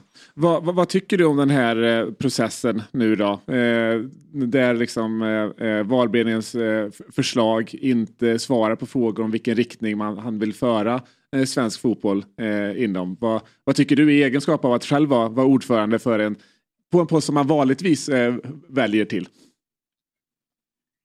Ja, det är alltid lätt att sitta vid sidan om och eh, ha synpunkter och allt sånt såklart. Men, men naturligtvis, jag är en stor förespråkare av eh, en öppenhet i en sån här process. Och jag är inte jätteförvånad att vi är i, eh, ja men vi lever i 2023 just nu, att det finns många kandidater som vill ha och som har ett stöd i ett av Sveriges absolut viktigaste uppdrag överhuvudtaget. Det tycker jag inte är så konstigt. Och när det kanske är sådana tider nu, med om man går 12 eller 30 år tillbaka i tiden där det kanske mer naturligt fanns en huvudkandidat så tycker jag att det är otroligt viktigt att en process präglas av en stor grad av öppenhet så att eh, det kan finnas öppna forum för diskussioner att av vad de olika kandidaterna står för och så vidare. Det är min, det är min personliga uppfattning. Mm.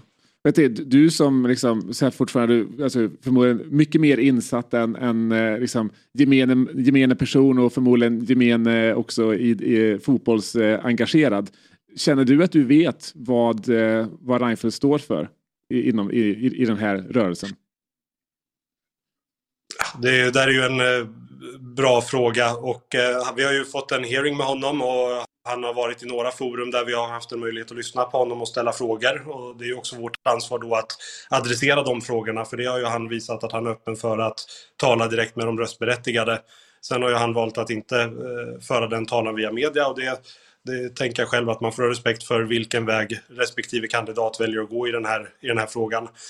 Eh, så att det är klart att Fredrik är ju kanske en, en person som är såklart mer okänd i fotbollsrörelsen, i alla fall för oss, än vad en sån som Lars-Christer Olsson eller vissa andra kandidater som vi har jobbat närmare med och man har en, en närmare dialog med. Så att det kanske inte är så, dels så konstigt att man känner vissa kandidater bättre. Men eh, ja, sen är det klart att Fredrik också, min uppfattning, han har ju svarat på sina frågor i mer ett övergripande perspektiv. Och i och med att han inte har förankringen in i fotbollen på det sättet är det kanske inte så konstigt att han inte kan svara liksom lika tydligt på, på detaljerade frågor i nuläget utan det, det är något han behöver sätta sig in i ifall han skulle bli vald. Alltså du hade ju lätt kunnat suttit i FNs säkerhetsråd och den, du är den största diplomat jag någonsin har pratat med. Det, alltså du är fantastisk. Det borde vi nominera Simon vid. Ja, verkligen. Ska vi inte göra det? det? Det tycker jag vore det enklaste. Skit i Lars Christer, skit i Reinfeldt. Alltså in med Simon på alla poster. Då kommer det här gå framåt i fotbollssverige. Ja, verkligen. Ja, jag vet inte som sagt om man ska ta det som en förolämpning eller en komplimang. Det var, en kom, det var en komplimang Simon. Ja, det är bra. Det är bra. Mm. Men eh, bara så att jag förstår, så ni har ändå träffat de olika kandidaterna och kunnat höra vad de vill presentera och vad de tänker och så. Tolkar jag rätt då? Ja, det har ju varit de här hearingsen som har varit där Mm. alla röstberättigade har varit inblandade. Där de, I alla fall de tre som var huvudföreslagna då av valberedningen eh, Eh, från, ska vi se så jag kommer ihåg rätt men från mitten av januari till mitten av februari. De tre huvudkandidaterna där som ju var Christer, Fredrik Reinfeldt och Helene Barnekow. De fick en möjlighet att adressera sina tankar och sin profil till rörelsen och sen fick eh, alla röstberättigade möjligheter att ställa frågor. Så det forumet har funnits. Okej. Mm. Ja, vi får se vad som, vad som händer här framöver då. Men, Spännande. eh, väldigt spännande är det. Ovisst. Ja, får se om det blir Simon kanske då. Ja, Ja, eh, det blir... kör till Simon. Ja. Oavsett, eh, tack för att du var med Simon. Tack så jättemycket. Ja. Ha en bra dag. Detsamma, hej då. Man gillar att han snusar lösnus också. Ja, verkligen. Det, det, det, det, det är ganska viktigt Coolt. bland, bland Tycker jag är viktigt. ja, stora Du ledare. också eller? Nej, ja, Nej. jag, jag, jag är inte där. Du är inte där. Nej, Det är en viktig nej. del i all, i all diplomati. vilken, han hade, alltså, man har fått vilken en slipad kille. Ja. Eh, Ja, ja, verkligen. Ja, men verkligen. ja.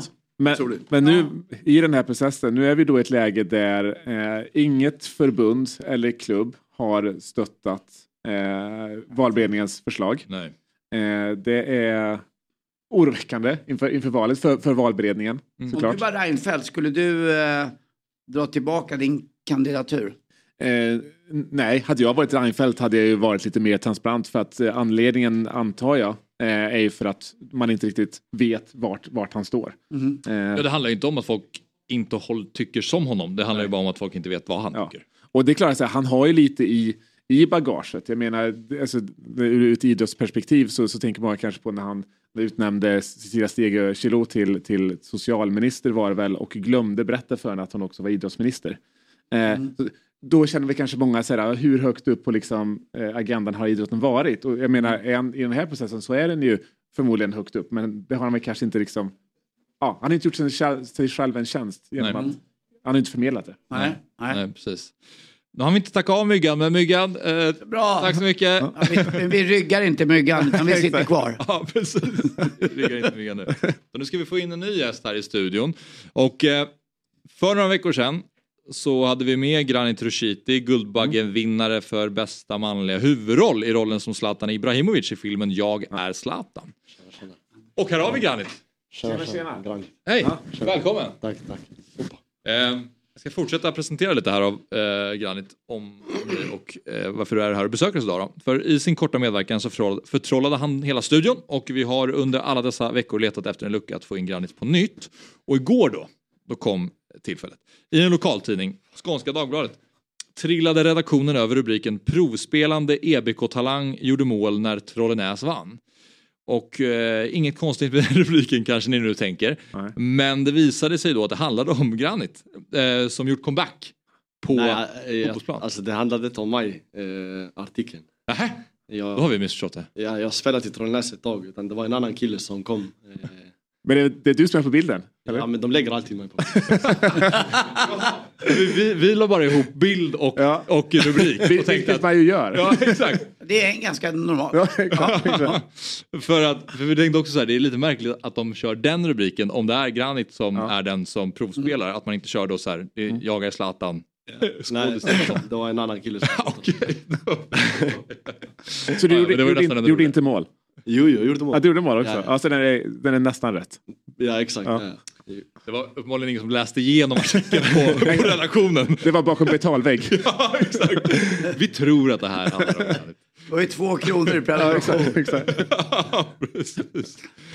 Ja, ja, men så är det i alla fall. Det är kul att ha dig här, Granit. Tack så mycket, kul Eh. att få delta också. Ja, vad, eh, vad gör du i Stockholm då? Eh, Jag ska på Star Wars-premiär så Ah. jag kom förbi lite. Ja. Och knyta till mig lite kontakter om det går. Ja, Sen- visst. Va, hur, hur, hur har livet varit nu då sen eh, Guldbagg, eh, eh, Guldbaggen? Eh, Har det förändrat livet?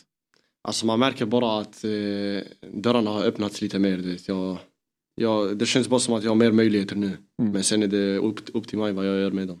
Så Mm. det är lite där i det steget jag är. Liksom. Mm. Eh, Har du skaffat någon agent? ja, jag har haft det ett tag. Eh, filmagent. Jag har de, eh, agentfirman. Om du Mm. vet vilka det är. Jenny Planthaber. Ja, jag är inte så bra på de där tyvärr. Okej, Nej. okej. Ja men i alla fall. Ja. Så. Ja, men du har varit med i Fotbollsmorgon tidigare så det kanske, vi kanske korsar över lite det som, Ja. eller liksom övergår lite det som du pratade om förra gången du var här. Men eh, när du vann Guldbaggen bara till att börja med, vad, hur överraskad var du över att du tog hem den? Väldigt överraskad faktiskt. Eh, För du vet, jag har spelat ju fotboll hela mitt liv och alltid strävat efter att bli någonting. Och det har känts som att jag varit i mållinjen så många gånger och sen bara fallit och fallit och fallit.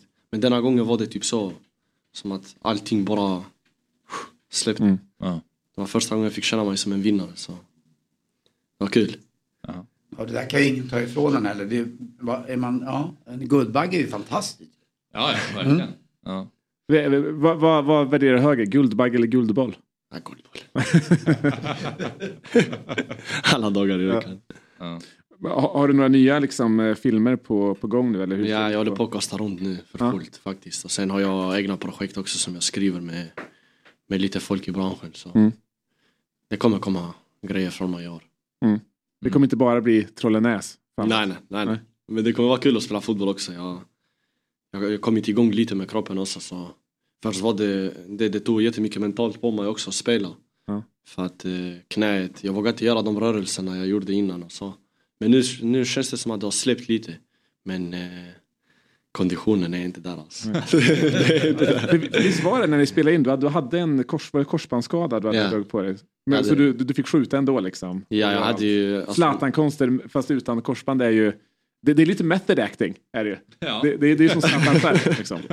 ja, jag fick spela in faktiskt. Jag gjorde hela inspelningen utan ett korsband. Så. Det var riktigt jobbigt alltså. Jag, Ja, hade, det kan jag förstå. jag fick, eh, speciellt i Amsterdam var det, när vi spelade in där så var det väldigt mycket problem med knät och ljumsken också. Så jag fick gå på massa rehabiliteringar. Alltså massera mig exakt innan jag skulle spela in en scen. Sen kunde jag inte gå och det, det var så. Men det, man ser ju inte det i filmen. Så. Nej, nej. Skulle du bara flytta micken lite närmare eller prata lite närmare bara så att alla hör dig där ute? Ja, absolut. Eller om du kan flytta in stolen, vad som du känner dig bekväm med. Men jag tänker på processen att bli Zlatan i filmen. Hur många steg var det innan det var du som fick rollen? Det måste ha varit många som Oh. ville ha den rollen. Jag tror jag gjorde kanske typ så sju, åtta castingar. Alltså. Ja. Det var jätte, jättemånga castingar jag fick göra. För de var också väldigt osäkra. Så sa, det var en gång jag var där eh, och gjorde prov, äh, provfilmning då.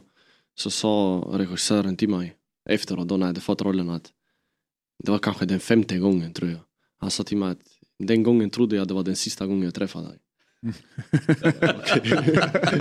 Faktiskt, han, ville inte, han tänkte okej, du vet, nu vi måste gå vidare, det kan inte bli han. Nej. Men sen hade tydligen hade hans fru sagt typ så, du vet, du har honom framför dig. Det är du som måste jobba med honom nu. Du vet, så. Ja. Han kommer en till chans, en till och en till. Sen. Hur, hur mycket har du fått jobba på att låta som Zlatan Ibrahimovic? Oh, sex månader kanske. Man hör ju liksom direkt när, när Zlatan pratar, man vet ju, man förstår ju att det, nu är det Zlatan som pratar.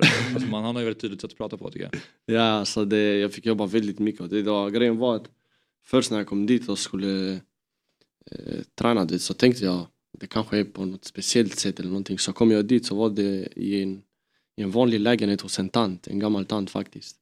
Eh, jag tänkte, hur ska hon lära mig att prata som Zlatan? Men hon var så alltså, speciell, hon kunde de här teknikerna, hur man skulle använda tungan och sånt.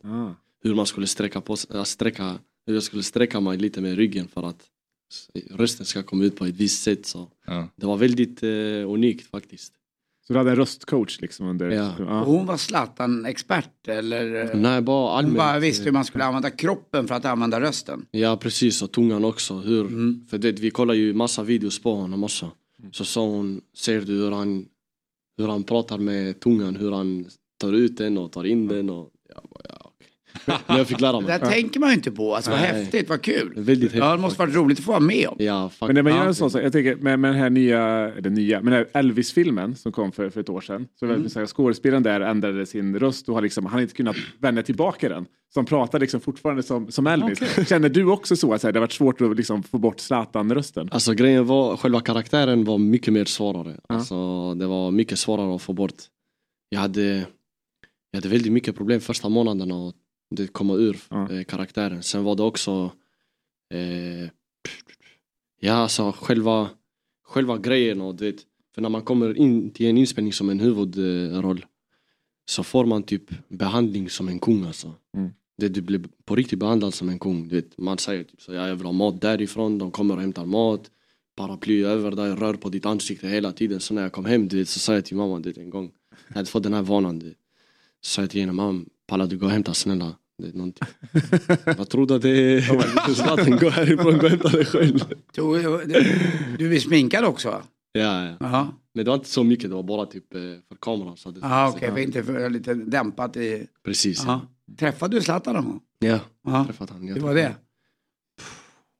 Alltså det, jag vet inte vad jag ska säga. Alltså det, det sjukaste jag varit med om. Han har en viss utstrålning. Ja, alltså när han kom in i rummet det var typ så, ja. Vem du än är, det går inte alltså. Det är Zlatan. du vet. Han är ju, eh, jag kommer ihåg när han var hos mig och åt ibland på, han har varit på, på Teatergillen framförallt. Eh, och jag har varit med om att kungen och drottningen har kommit också, men Zlatan är större. Ja. Du vet, fo- Folk går inte därifrån förrän han har gått. Det, det är någonting han har, jag ryser nästan när man talar om honom ibland. Alltså, jag, eh, det, han är, har ju någonting som är magnetiskt. Faktiskt, det var exakt det. Jag kände också av det. Det var någonting du vet, med honom. När man kollade på honom, det var typ så. Alltså, för mig, du vet, jag, det har varit min, alltså, min eh, förebild sen jag var liten. Du vet. Så, när jag såg honom jag tänkte bara, alltså, det, här, det kan inte stämma. Alltså. Det kändes som att jag såg ljus runt om honom. så pass alltså, jag lovar. Ja, häftigt. Och vad, vad sa ni till varandra? Ja, det var mycket faktiskt. Vi var ändå ett tag med varandra. Vi var typ så i två, tre timmar med varandra. Så. Pratar du till Zlatan som Zlatan? Så det blev Det gjorde inte det. Nej, jag gjorde faktiskt inte det. Nej, du vågar inte det? Jag blev, jag blev typ så. Du är ändå Jag ganska ska- stor. Ja, jag är hyfsat lång faktiskt. Ja. Men det kändes fortfarande som att han var dubbelt så större än mig. Alltså, du vet, Hans kropp är ju så bred, du vet. Hans ben var lika stor som hela min kropp. så, Kul och häftigt faktiskt. Ja. Ja. Men hur, hur lik är du Zlatan som fotbollsspelare? Alltså, det är svårt att säga men jag tror ändå en hyfsat lik fast när han var ung alltså. Nu har jag också blivit lite latare också men då när jag spelade i, i Malmö så hade det var typ den väldigt mycket teknik, eh, bra på huvudet, stark, aggressiv som fan. Så, Var de- du anfallare också? Ja. Ja. Så de sakerna hade jag liksom. Så. Det finns ett lag på Gotland som söker en anfallare nu i, i, ja, på din nivå. På riktigt? Ja, så vi pratade med förut här. Så att, Ja. eh, vi, Är det här verkligen division 4? Är inte det här division 2 i alla fall? jo, men de vill ju ha liksom en. De vill ju ha en allsvensk Ah, okej. nivå. Hur mycket pengar är det? Ja, då, det, vi pratar faktiskt om det. Enligt Pa, parkeringsplats ingår. Kanske om man är tillräckligt bra. Ja, ja. Ja, där, där har vi den. Du kan, eh, du kan höra av dig där på den här.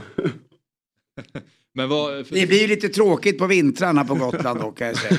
Men, men somrarna verkar ju bra för det var, eh, vad var det, eh, eh, Lilla Ibiza var det va? Just det, eh, vi pratar... Eh, Där du jobbade? Tofta, ja. Tofta ja. ja. det är ju bra. Ja, det är bra ja. Men eh, vilken division är Trollenäs? Oh, de är femman. Femman? Ja. Okej. Alltså det är lite mer jag spelar bara för att mina vänner spelar där. Min bror, min storebror spelar också där. Så Ja. vi har bara kokat ihop någonting och försöker göra det bästa av det. Men du spelar i Malmös ungdomslag då? Eller? Ja, innan spelade jag. Okej. Eh, Så det var faktiskt... Sen var jag också utomlands och provspelade i massa klubbar. Eh, Okej. Alltså du vet samtidigt, visst alltså grejen var också att jag vet inte, grejen, det är mycket med agenter och sånt som är mycket fiffel du vet. Eh, Jag, jag var först i, i Tyskland. Jag åkte till Greutherfurt Mm. som var i andra ligan. Jag vet inte vad de är nu. Jag tror att de kan vara kvar där. Ja, Ja, det okej. ja. Så när jag pratade med, jag hade en agent och så sa han till mig att jag skulle gå dit och provspela med deras A-lag. Så kom jag dit till deras omklädningsrum. Så jag bara, var är A-laget?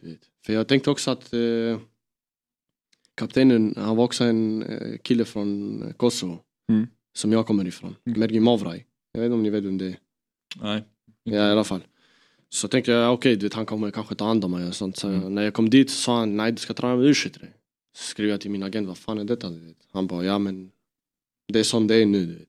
Så tränade jag med dem och det, jag kände på riktigt av klasskillnad på mig. Det är första gången jag, alltså jag, jag gillar inte att prata på det sättet men den här gången kände jag att på riktigt, jag var i klasskillnader mot dessa. Alltså jämfört med dessa killarna. Så, säger, så kommer jag tillbaka du vet, till Sverige efter en veckas provspel. Vi hade en intern match, gjorde tre mål och någon assist. Tänkte jag, ja, okej, du vet, jag har det här, jag har ett kontrakt här. Kommer jag tillbaka till Sverige jag tänkte bara jag ska bara packa mina väskor och flytta dit. Eh, Så säger han till mig att jag inte har fått ett kontrakt. Sen typ en vecka efter så säger han till mig att du ska till Sporting Lissabons uh, Jag tänkte, hur kan du ta mig hur kan du säga till mig att jag inte ska få ett kontrakt i Greutherfurt men du tar mig till en av världens bästa akademier? Mm. Så det, det var lite... Men sen tror jag också att han, ville, han tänkte också okej du vet, jag pushar så länge det går.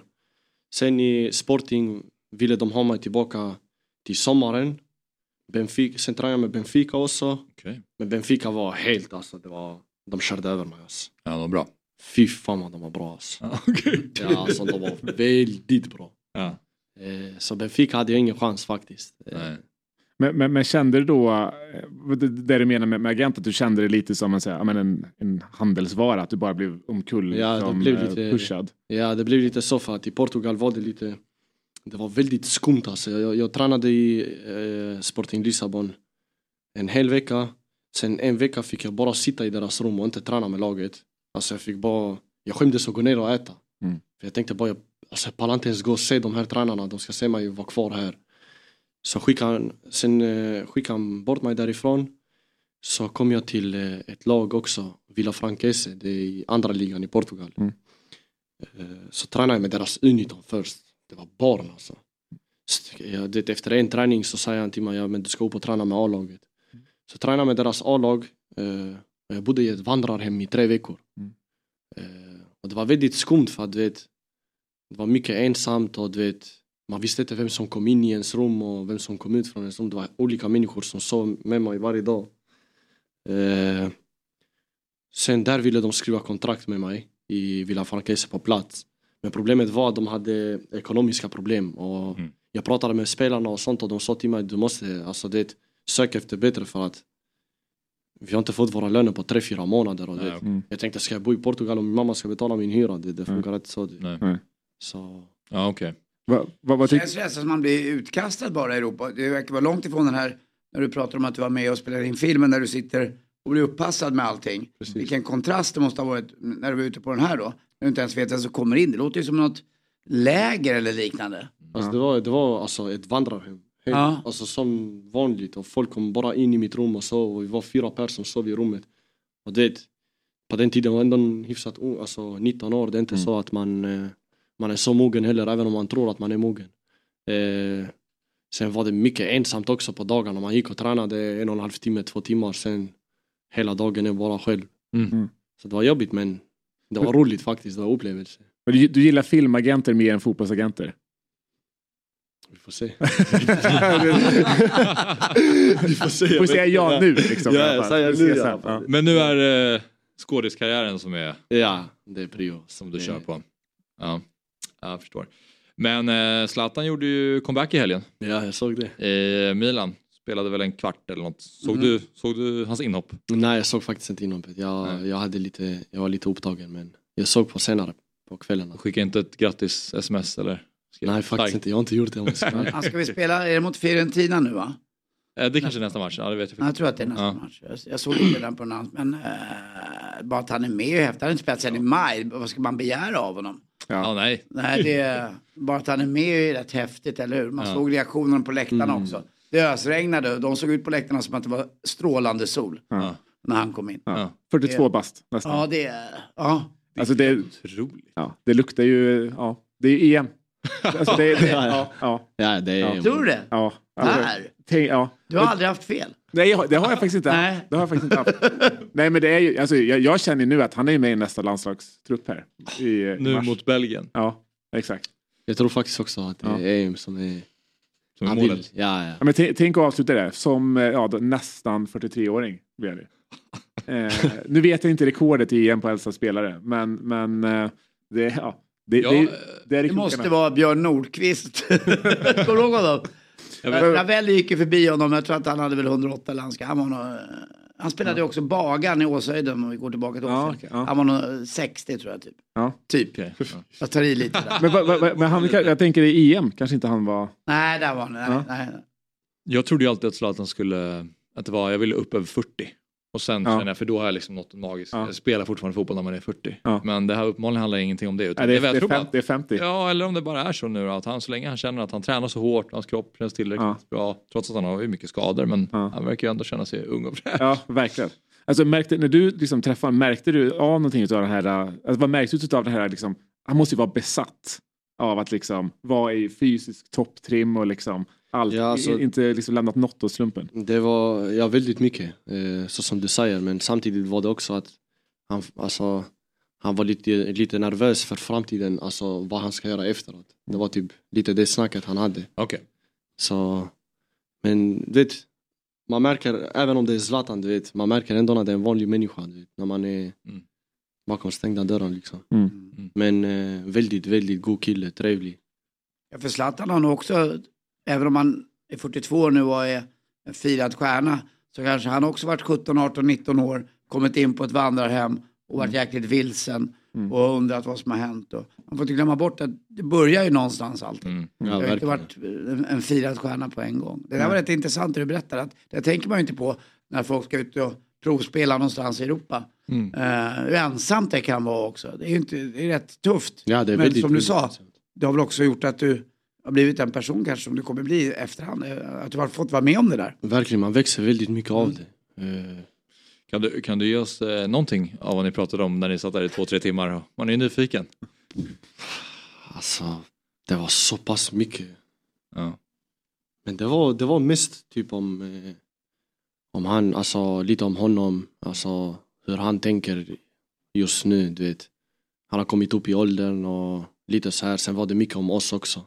Han gav oss jättemycket råd och tips och han pratade om, eh, om filmbranschen i USA och hur den fungerar och lite såna här. Och det var, Just det det, intressant att höra. ni är ju kollegor nu, alltså han är också skådespelare. Ja, jag vet, jag vet. jag har sett det. Antivirus i Asterix och Obelix. Exakt. Ja. Och så har ni den animerade Drakens filmen också, jag kommer inte ihåg vad den heter. Eh, som ja. på Netflix. Mhm. Den eh, tecknade eller? Ja, exakt. Precis, Exakt. ja, jag, fick, jag fick göra resten till, eh, till den också. Ja, har, har du gjort det? Ja, Ah, fast okej. den är, Kolla. ja. Har, eh, har du sett den här filmen? Jag har sett bara hans scener. Jag. Han bollar väl upp sin hjälm på något sätt. Och... ja, han, bara, Ja. han bara slår folk hela tiden. Känner du att så här, okej, du kanske inte blev lika bra fotbollsspelare som honom, men du kan, du kan vara bättre skådespelare? ja, jag tror faktiskt Ja. Han har ingen Guldbagge va? Nej, exakt. Jag tror, jag, jag har hört det från eh, folk också att jag är bättre skådespelare. Ja, det, det tror jag vi kan slå fast faktiskt. Ja, han får väl träna lite kanske. Vilka, vilka filmer och roller tror du att han skulle passa i? Zlatan? Ja. Alltså det måste vara den alltså någon boss eller någonting. Det, det måste vara, det, det går inte att spela, alltså vara Zlatan och spela någon, något annat. Hade ju varit fint att se Zlatan i en lite mera eh, känslig roll på något sätt. Ja. Spela en... En romcom. Ja, ja. Ja, då Eller jag få... grannen i Beck-filmerna. Ja, exakt. exakt. Jag menar att vara aggressiv i Asterix och Obelix, det känns Ja. ju som att det är, Ja. det, det, det är ju lätt för honom att göra det. Ja, exakt. Men någonting utmanande. Ja. Om han vill ta nästa steg i sitt Ja, skådespeleri. Men tror du att det är det han kommer satsa lite mer på efter karriären? Alltså han, vad jag har hört, han är intresserad av det. Ja. Eh, men han väntar på rätt, rätt grej sa han också. Ja. Sa jag vill ha någonting som är riktigt fett. Gör man någon remake på Emil-filmerna skulle han ju kunna vara Bulten i Bo. Vilken- Bulten i Bo var alltid han som startade bråken vid Ja, ja, ja, just det, just det. Men ändå ihåg. efteråt kramades och var bästisar allihopa. Du vet, de tar bort eh, blodet och snoret. Och... Bulten i Bo. Ja, exakt. Där har Eh, verkligen. Gör bara massa Astrid Lindgren remakes med Zlatan i huvudrollen. Det kanske säger mer om min nuvarande status i familjelivet. Jag tittar just nu bara, jag har småbarn. Så jag tittar mycket på Emil och annat. Just det. Ja, Ja, är ju där har vi Bulten. Ja. Åh, Ja. Bulten i Bo! Snabb du är! Bra! Eh, sa han någonting och så här, det här får du verkligen inte göra när du spelar mig.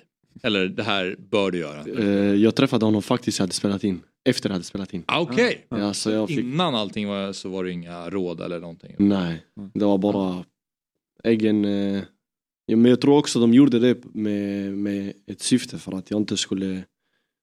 De ville ju ha sin egen Zlatan, alltså det, de ville göra sin Att egen. du skulle vara lite tom så att säga. Precis, Mm. att det inte skulle vara för mycket. Men eh, han, var, han var stolt och glad alltså, av, eh, av prestationen. Liksom. Ja. Och, och priset måste de också, när du, när du fick det, då måste han ha hört av sig. Ja, han skrev faktiskt, det, så fort jag gick ner från scenen så Ja. fick jag ett Nähä. meddelande. Fick du det av honom? Ja. Alltså det visar väl någonting om Ja, Zlatan? lite. verkligen. Ja, Ja. verkligen. Så det var, var väldigt mycket typ, eh, jag visste att du skulle vinna och du Har Zlatan ditt nummer? när vi ser på Instagram. Ah, Mm. åh. Det är där, Ja. man Det, det, det, det, är ännu bättre. Att det Zlatan är var på Instagram. coolare. Ja. Ja. det är där man ska börja höra av sig alltså. Då ska jag också skriva snabbt. Nej men eh, hur, eh, din egen relation till fotboll idag då? Alltså, det är så att du spelar i division 5 just nu då, men eh, du håller på Malmö och Real? Ja. Ja. Eh, Malmö är lite mer bara för att jag har många vänner som spelar där. Spelade med Patriot då och eh, Nanasi. Ja. Ja, i ungdomslaget. Sen fanns det ju fler som, som spelade där men har blivit utlånade. Eh, Amel Mujanic, Mm. eh, Mubarak No. Sen vissa har gått till Hammarby också, Pavle som stack till Mm. eh, Hammarby. Vagic ja. Ja. Mm. Så det har, det har varit en del som har blivit proffs faktiskt. Mm. Så, men, det är kul för dem. När du spelade med dem, till exempel Nanasi då, som går väldigt bra i Malmö nu. Då var ni lika bra eller hur Alltså, såg förhållandena ut då? jag vill inte prata ner någon Du faktiskt. var lite bättre. Inte lite men mycket bättre. ja. Det är ändå lite Zlatan. Men det var alltså speciellt Nanasi, du vet, eh, när han kom in först så var det var många som tänkte vad fan gör han här alltså. Ja, okej. Men det är sjukt att det har, gått, det har gått så bra, det är kul och det är kul att se faktiskt för att man ser eh, när man lägger ner hårt jobb och vilken utveckling han har gjort. Nu är han alltså tränarens favorit liksom. Mm. Det, det är sjukt hur, hur snabbt det kan vända liksom. Men, men eh, var det så att, exploderade han någon gång när ni spelade ihop eller var det liksom efter? Nej, när jag stack därifrån. Ja, då, då blommade han ut. Han fick... Ja. Men det var, grejen var att i, han kom i U19 och när man ska berätta hela Malmö-historien men grejen var att jag spelade ju först i U17. Eh, Jag spelade varje match då och Tim Pritsa spelade inte så mycket då. Mm. Utan han var fortfarande ung. Sen kommer vi till U19. Det var också väldigt skumt i Malmö alltså, jag vet inte hur. Jag, jag kan inte klandra allihopa nu men du vet, det var vi, sen var det också mycket mitt fel också, för att jag gjorde lite dumma grejer. Men eh, när vi kom upp, eh, upp till U19 så hade vi först en träningsmatch. Och jag minns att vi, hade, vi mötte IFK Malmö, jag blev bänkad den matchen. Eh, sen skulle vi spela med A-laget. Eh, vi, vi mötte ett danslag, jag minns inte, Roskilde tror jag det var. Något sånt. Så fick jag starta den matchen. Eh, sen bänkad igen, matchen efter det i U19. Jag kommer in i 40, eh, alltså i halvlek då. Eh, och det stod 0-0, jag tryckte dit ett mål direkt. Och du vet, sen skulle jag starta mot HIF. Jag skadade min ljumske, istället för att vara kvar och göra rehaben så stack jag till mitt hemland och jag var på bröllop. Min kusin skulle gifta sig. Sen när jag kom tillbaka så var den här ursäkten ett tag. Eh, jag pratade med tränarna, hur är det? Du vet, jag prester, du vet, varje gång jag fick de, de, de här 30 minuterna eller vad det var så jag presterade ändå, jag gjorde ändå mål och såna här grejer. Men eh, jag fick inte det förtroendet igen. Jag tror det var mycket också att jag, jag skadade mig väldigt mycket och var skadebenägen spelare. Så tänkte de också att Imprica, du vet. Och jag ska inte ta det ifrån honom, när vi kom till U19 sen så fick han sin chans och exploderade liksom. Mm. Så det är kul, det är kul alltså, att se att så många har lyckats faktiskt. På ett eller annat sätt. Mm. Ja, och du, du är definitivt en av dem. Ja, alltså, fast på, ett, på en annan väg. Ja, exakt. exakt. Så. Vad väntar härnäst nu då för dig? Jag, jag vill faktiskt komma in i en, en ny stor roll. Det behöver inte vara en huvudroll men en, en, ändå en biroll. Ja. Som är väldigt bra. Sen eh, göra mina egna projekt och bara lyckas med det. För jag tror när jag väl har gjort ett så finns det inga gränser. Då vet jag att jag kan göra hur mycket som helst. Mm. Sen också, jag vill börja föreläsa också i skolor och Mm. i konferenser och sånt. Så jag, Vad vill du föreläsa om? om livet och hur man ser på livet liksom. Mm. Du har nog upplevt mycket mer än vad många har gjort i din ålder så att det tror jag att du är en bra förebild för. Mm. Jag hoppas det. Mm. Jag hoppas. I alla fall jag kan göra det jag... Jag kan prata om det jag har upplevt. Och, Mm. Mm. Så, Men ehm, är det ikväll då ska du på Star Wars då? ja. Okej. Det är Star Wars 10. Eh, Ja, vilken, vilken Star Wars-film du pratar om? Och det är en serie, fast det är första avsnittet. Som Aha. Sen i, Ja, okej. Mm. Aha, Mm. okej. De kör en visning. Ja. Ja, okej. Ja, eh, men eh, fan väldigt roligt att höra om allt att få vara Zlatan och hela din... Kul att träffa dig på riktigt. Ja, Ja, precis. Ja, verkligen. Precis, Och, och, du, och du är också den här liksom, Zlatan-stjärnglansen. det får man säga. Ja, Det får man säga. Ja, det gick fort idag som vanligt tycker jag. Ja, verkligen. det är klart. Det är övertid. Ja, klockan är 09.00. Ja. Brukar ju innan vi avslutar slå ett slag för Dobb-TV. Ja. Har du abonnemang på Dobb-TV Anders? Kommer aldrig... Ja, kan man då? Finns det abonnemang? Ja, nej, jag har ingen aning. Jag, är ju, jag, jag tittar på Emil. Vi ska lösa ett abonnemang Tack. till. Ja, bara allt som är gratis. Gratis är gott. Ja, men om du har ett abonnemang då kan man väl säga att det är gratis då. Ja, det, ja. Finns det abonnemang? Ja. Ja. Men det är bra att vi tar upp det. Då. Ja, Ja. precis. Ja. Uppenbarligen så måste Ja, vi... ja. eh, Kan få in någon. Jag får skärpa mig. Ja. Ja, för vi har ju massa program. Ja. Dobb-TV. Ja, ja. Eurotalk kanske du har hört talas om? Åh, vad bra. Ja. David och Christian Borell och. Marcelo Fernandes, Ja. Martin Åslund. Åh, Många ja. kompetenta människor som sitter i det här programmet. Ja. Fantasy-TV har vi också när vi pratar Fantasy Premier League. Eh, mindre kompetenta på spelet men vi, vi sitter där i alla Men ni fall. pratar om det. Ja, vi pratar om det. Och så har vi quizprogram som heter Quizaleta och det är allt med dokumentärer också Mm. Anders. Det är, det är en skatt. Ja, bra. Mm, bara så att du vet. Bra, stort tack man, för idag. Kan man, en grej till bara. Får Ja. man be Otto hjälpa till att ta en bild av oss fyra? Så här live. Ja, ja, För det är inte så ofta vi ses. Ja. Det här var stort tycker jag. Ja, absolut. inte så ofta Bra. vi ses. Nej. Precis. Ja. Ja. du vill gärna att vi gör det Ja, samtidigt? lite Ja, det blir lite live. Ja, live-känsla. det- Ja, lite gå ihop-känsla. Jag tar min, min telefon också. Ja, skärp dig. Vi, Vi är ja. lite, Vilket, vilket, vilket bra jag såg på tv igår att Ett bra- TikTok är på väg att bli förbjudet nu på grund av Ja. Kina-påverkan. Så det här är nu, är det, nu är det bra tv. Tack. Eh, man får följa Anders eh, sociala medieliv live. helt Ja, enkelt. ja, lätt. Ja. Det är, det är värt. Ja. Finns, där finns det inga betalvägar. Du har ju liksom skapat egna, inte slogans, vad ska man säga det? Eh, ja men eh, catchphrases kanske. Mm. Alltså att saker är en stor del av ditt liv. Ja, exempel. eller att jag älskar. Det var Jan. Hedin faktiskt, Aftonbladets gamla chefredaktör som berömde mig just för att jag har hittat de här. Ja. Och även, det är några som har snott dem. Det är Maros Kocka har snott dem och även eh, Axel. Big part of my life körde han. Och även Sigge Eklund har tagit en stor del av mitt. Men det är en hommage till mig hela tiden och det gillar jag. Ja, Jag det är det. ja. Det, det är ju faktiskt kul måste jag säga, speciellt när det blir saker som är ganska, som som ganska små Ja, ja, men som ja. också är en stor, som en Ja. stor del av Ännu ditt liv. roligare. ja, ja, Hur kan det vara det då jävla idiot? Och det är det. Ja, Ja. Bra. Du kan, har du några? Nej, jag, jag, jag snor också Anders. Ja, big part of your exakt, life. exakt, som en hommage. Mm. Ja, gör det. Tack. Ja, bra. Du får också skaffa några. Ja, Samma catchphrase. Nu ska vi avsluta. Stort tack för idag. Eh, nytt Fotbollsmorgon imorgon igen 07.00 som vanligt. Eh, hej då. Fotbollsmorgon presenteras i samarbete med Oddset, betting online och i butik. Telia, samla sporten på ett ställe och få bättre pris.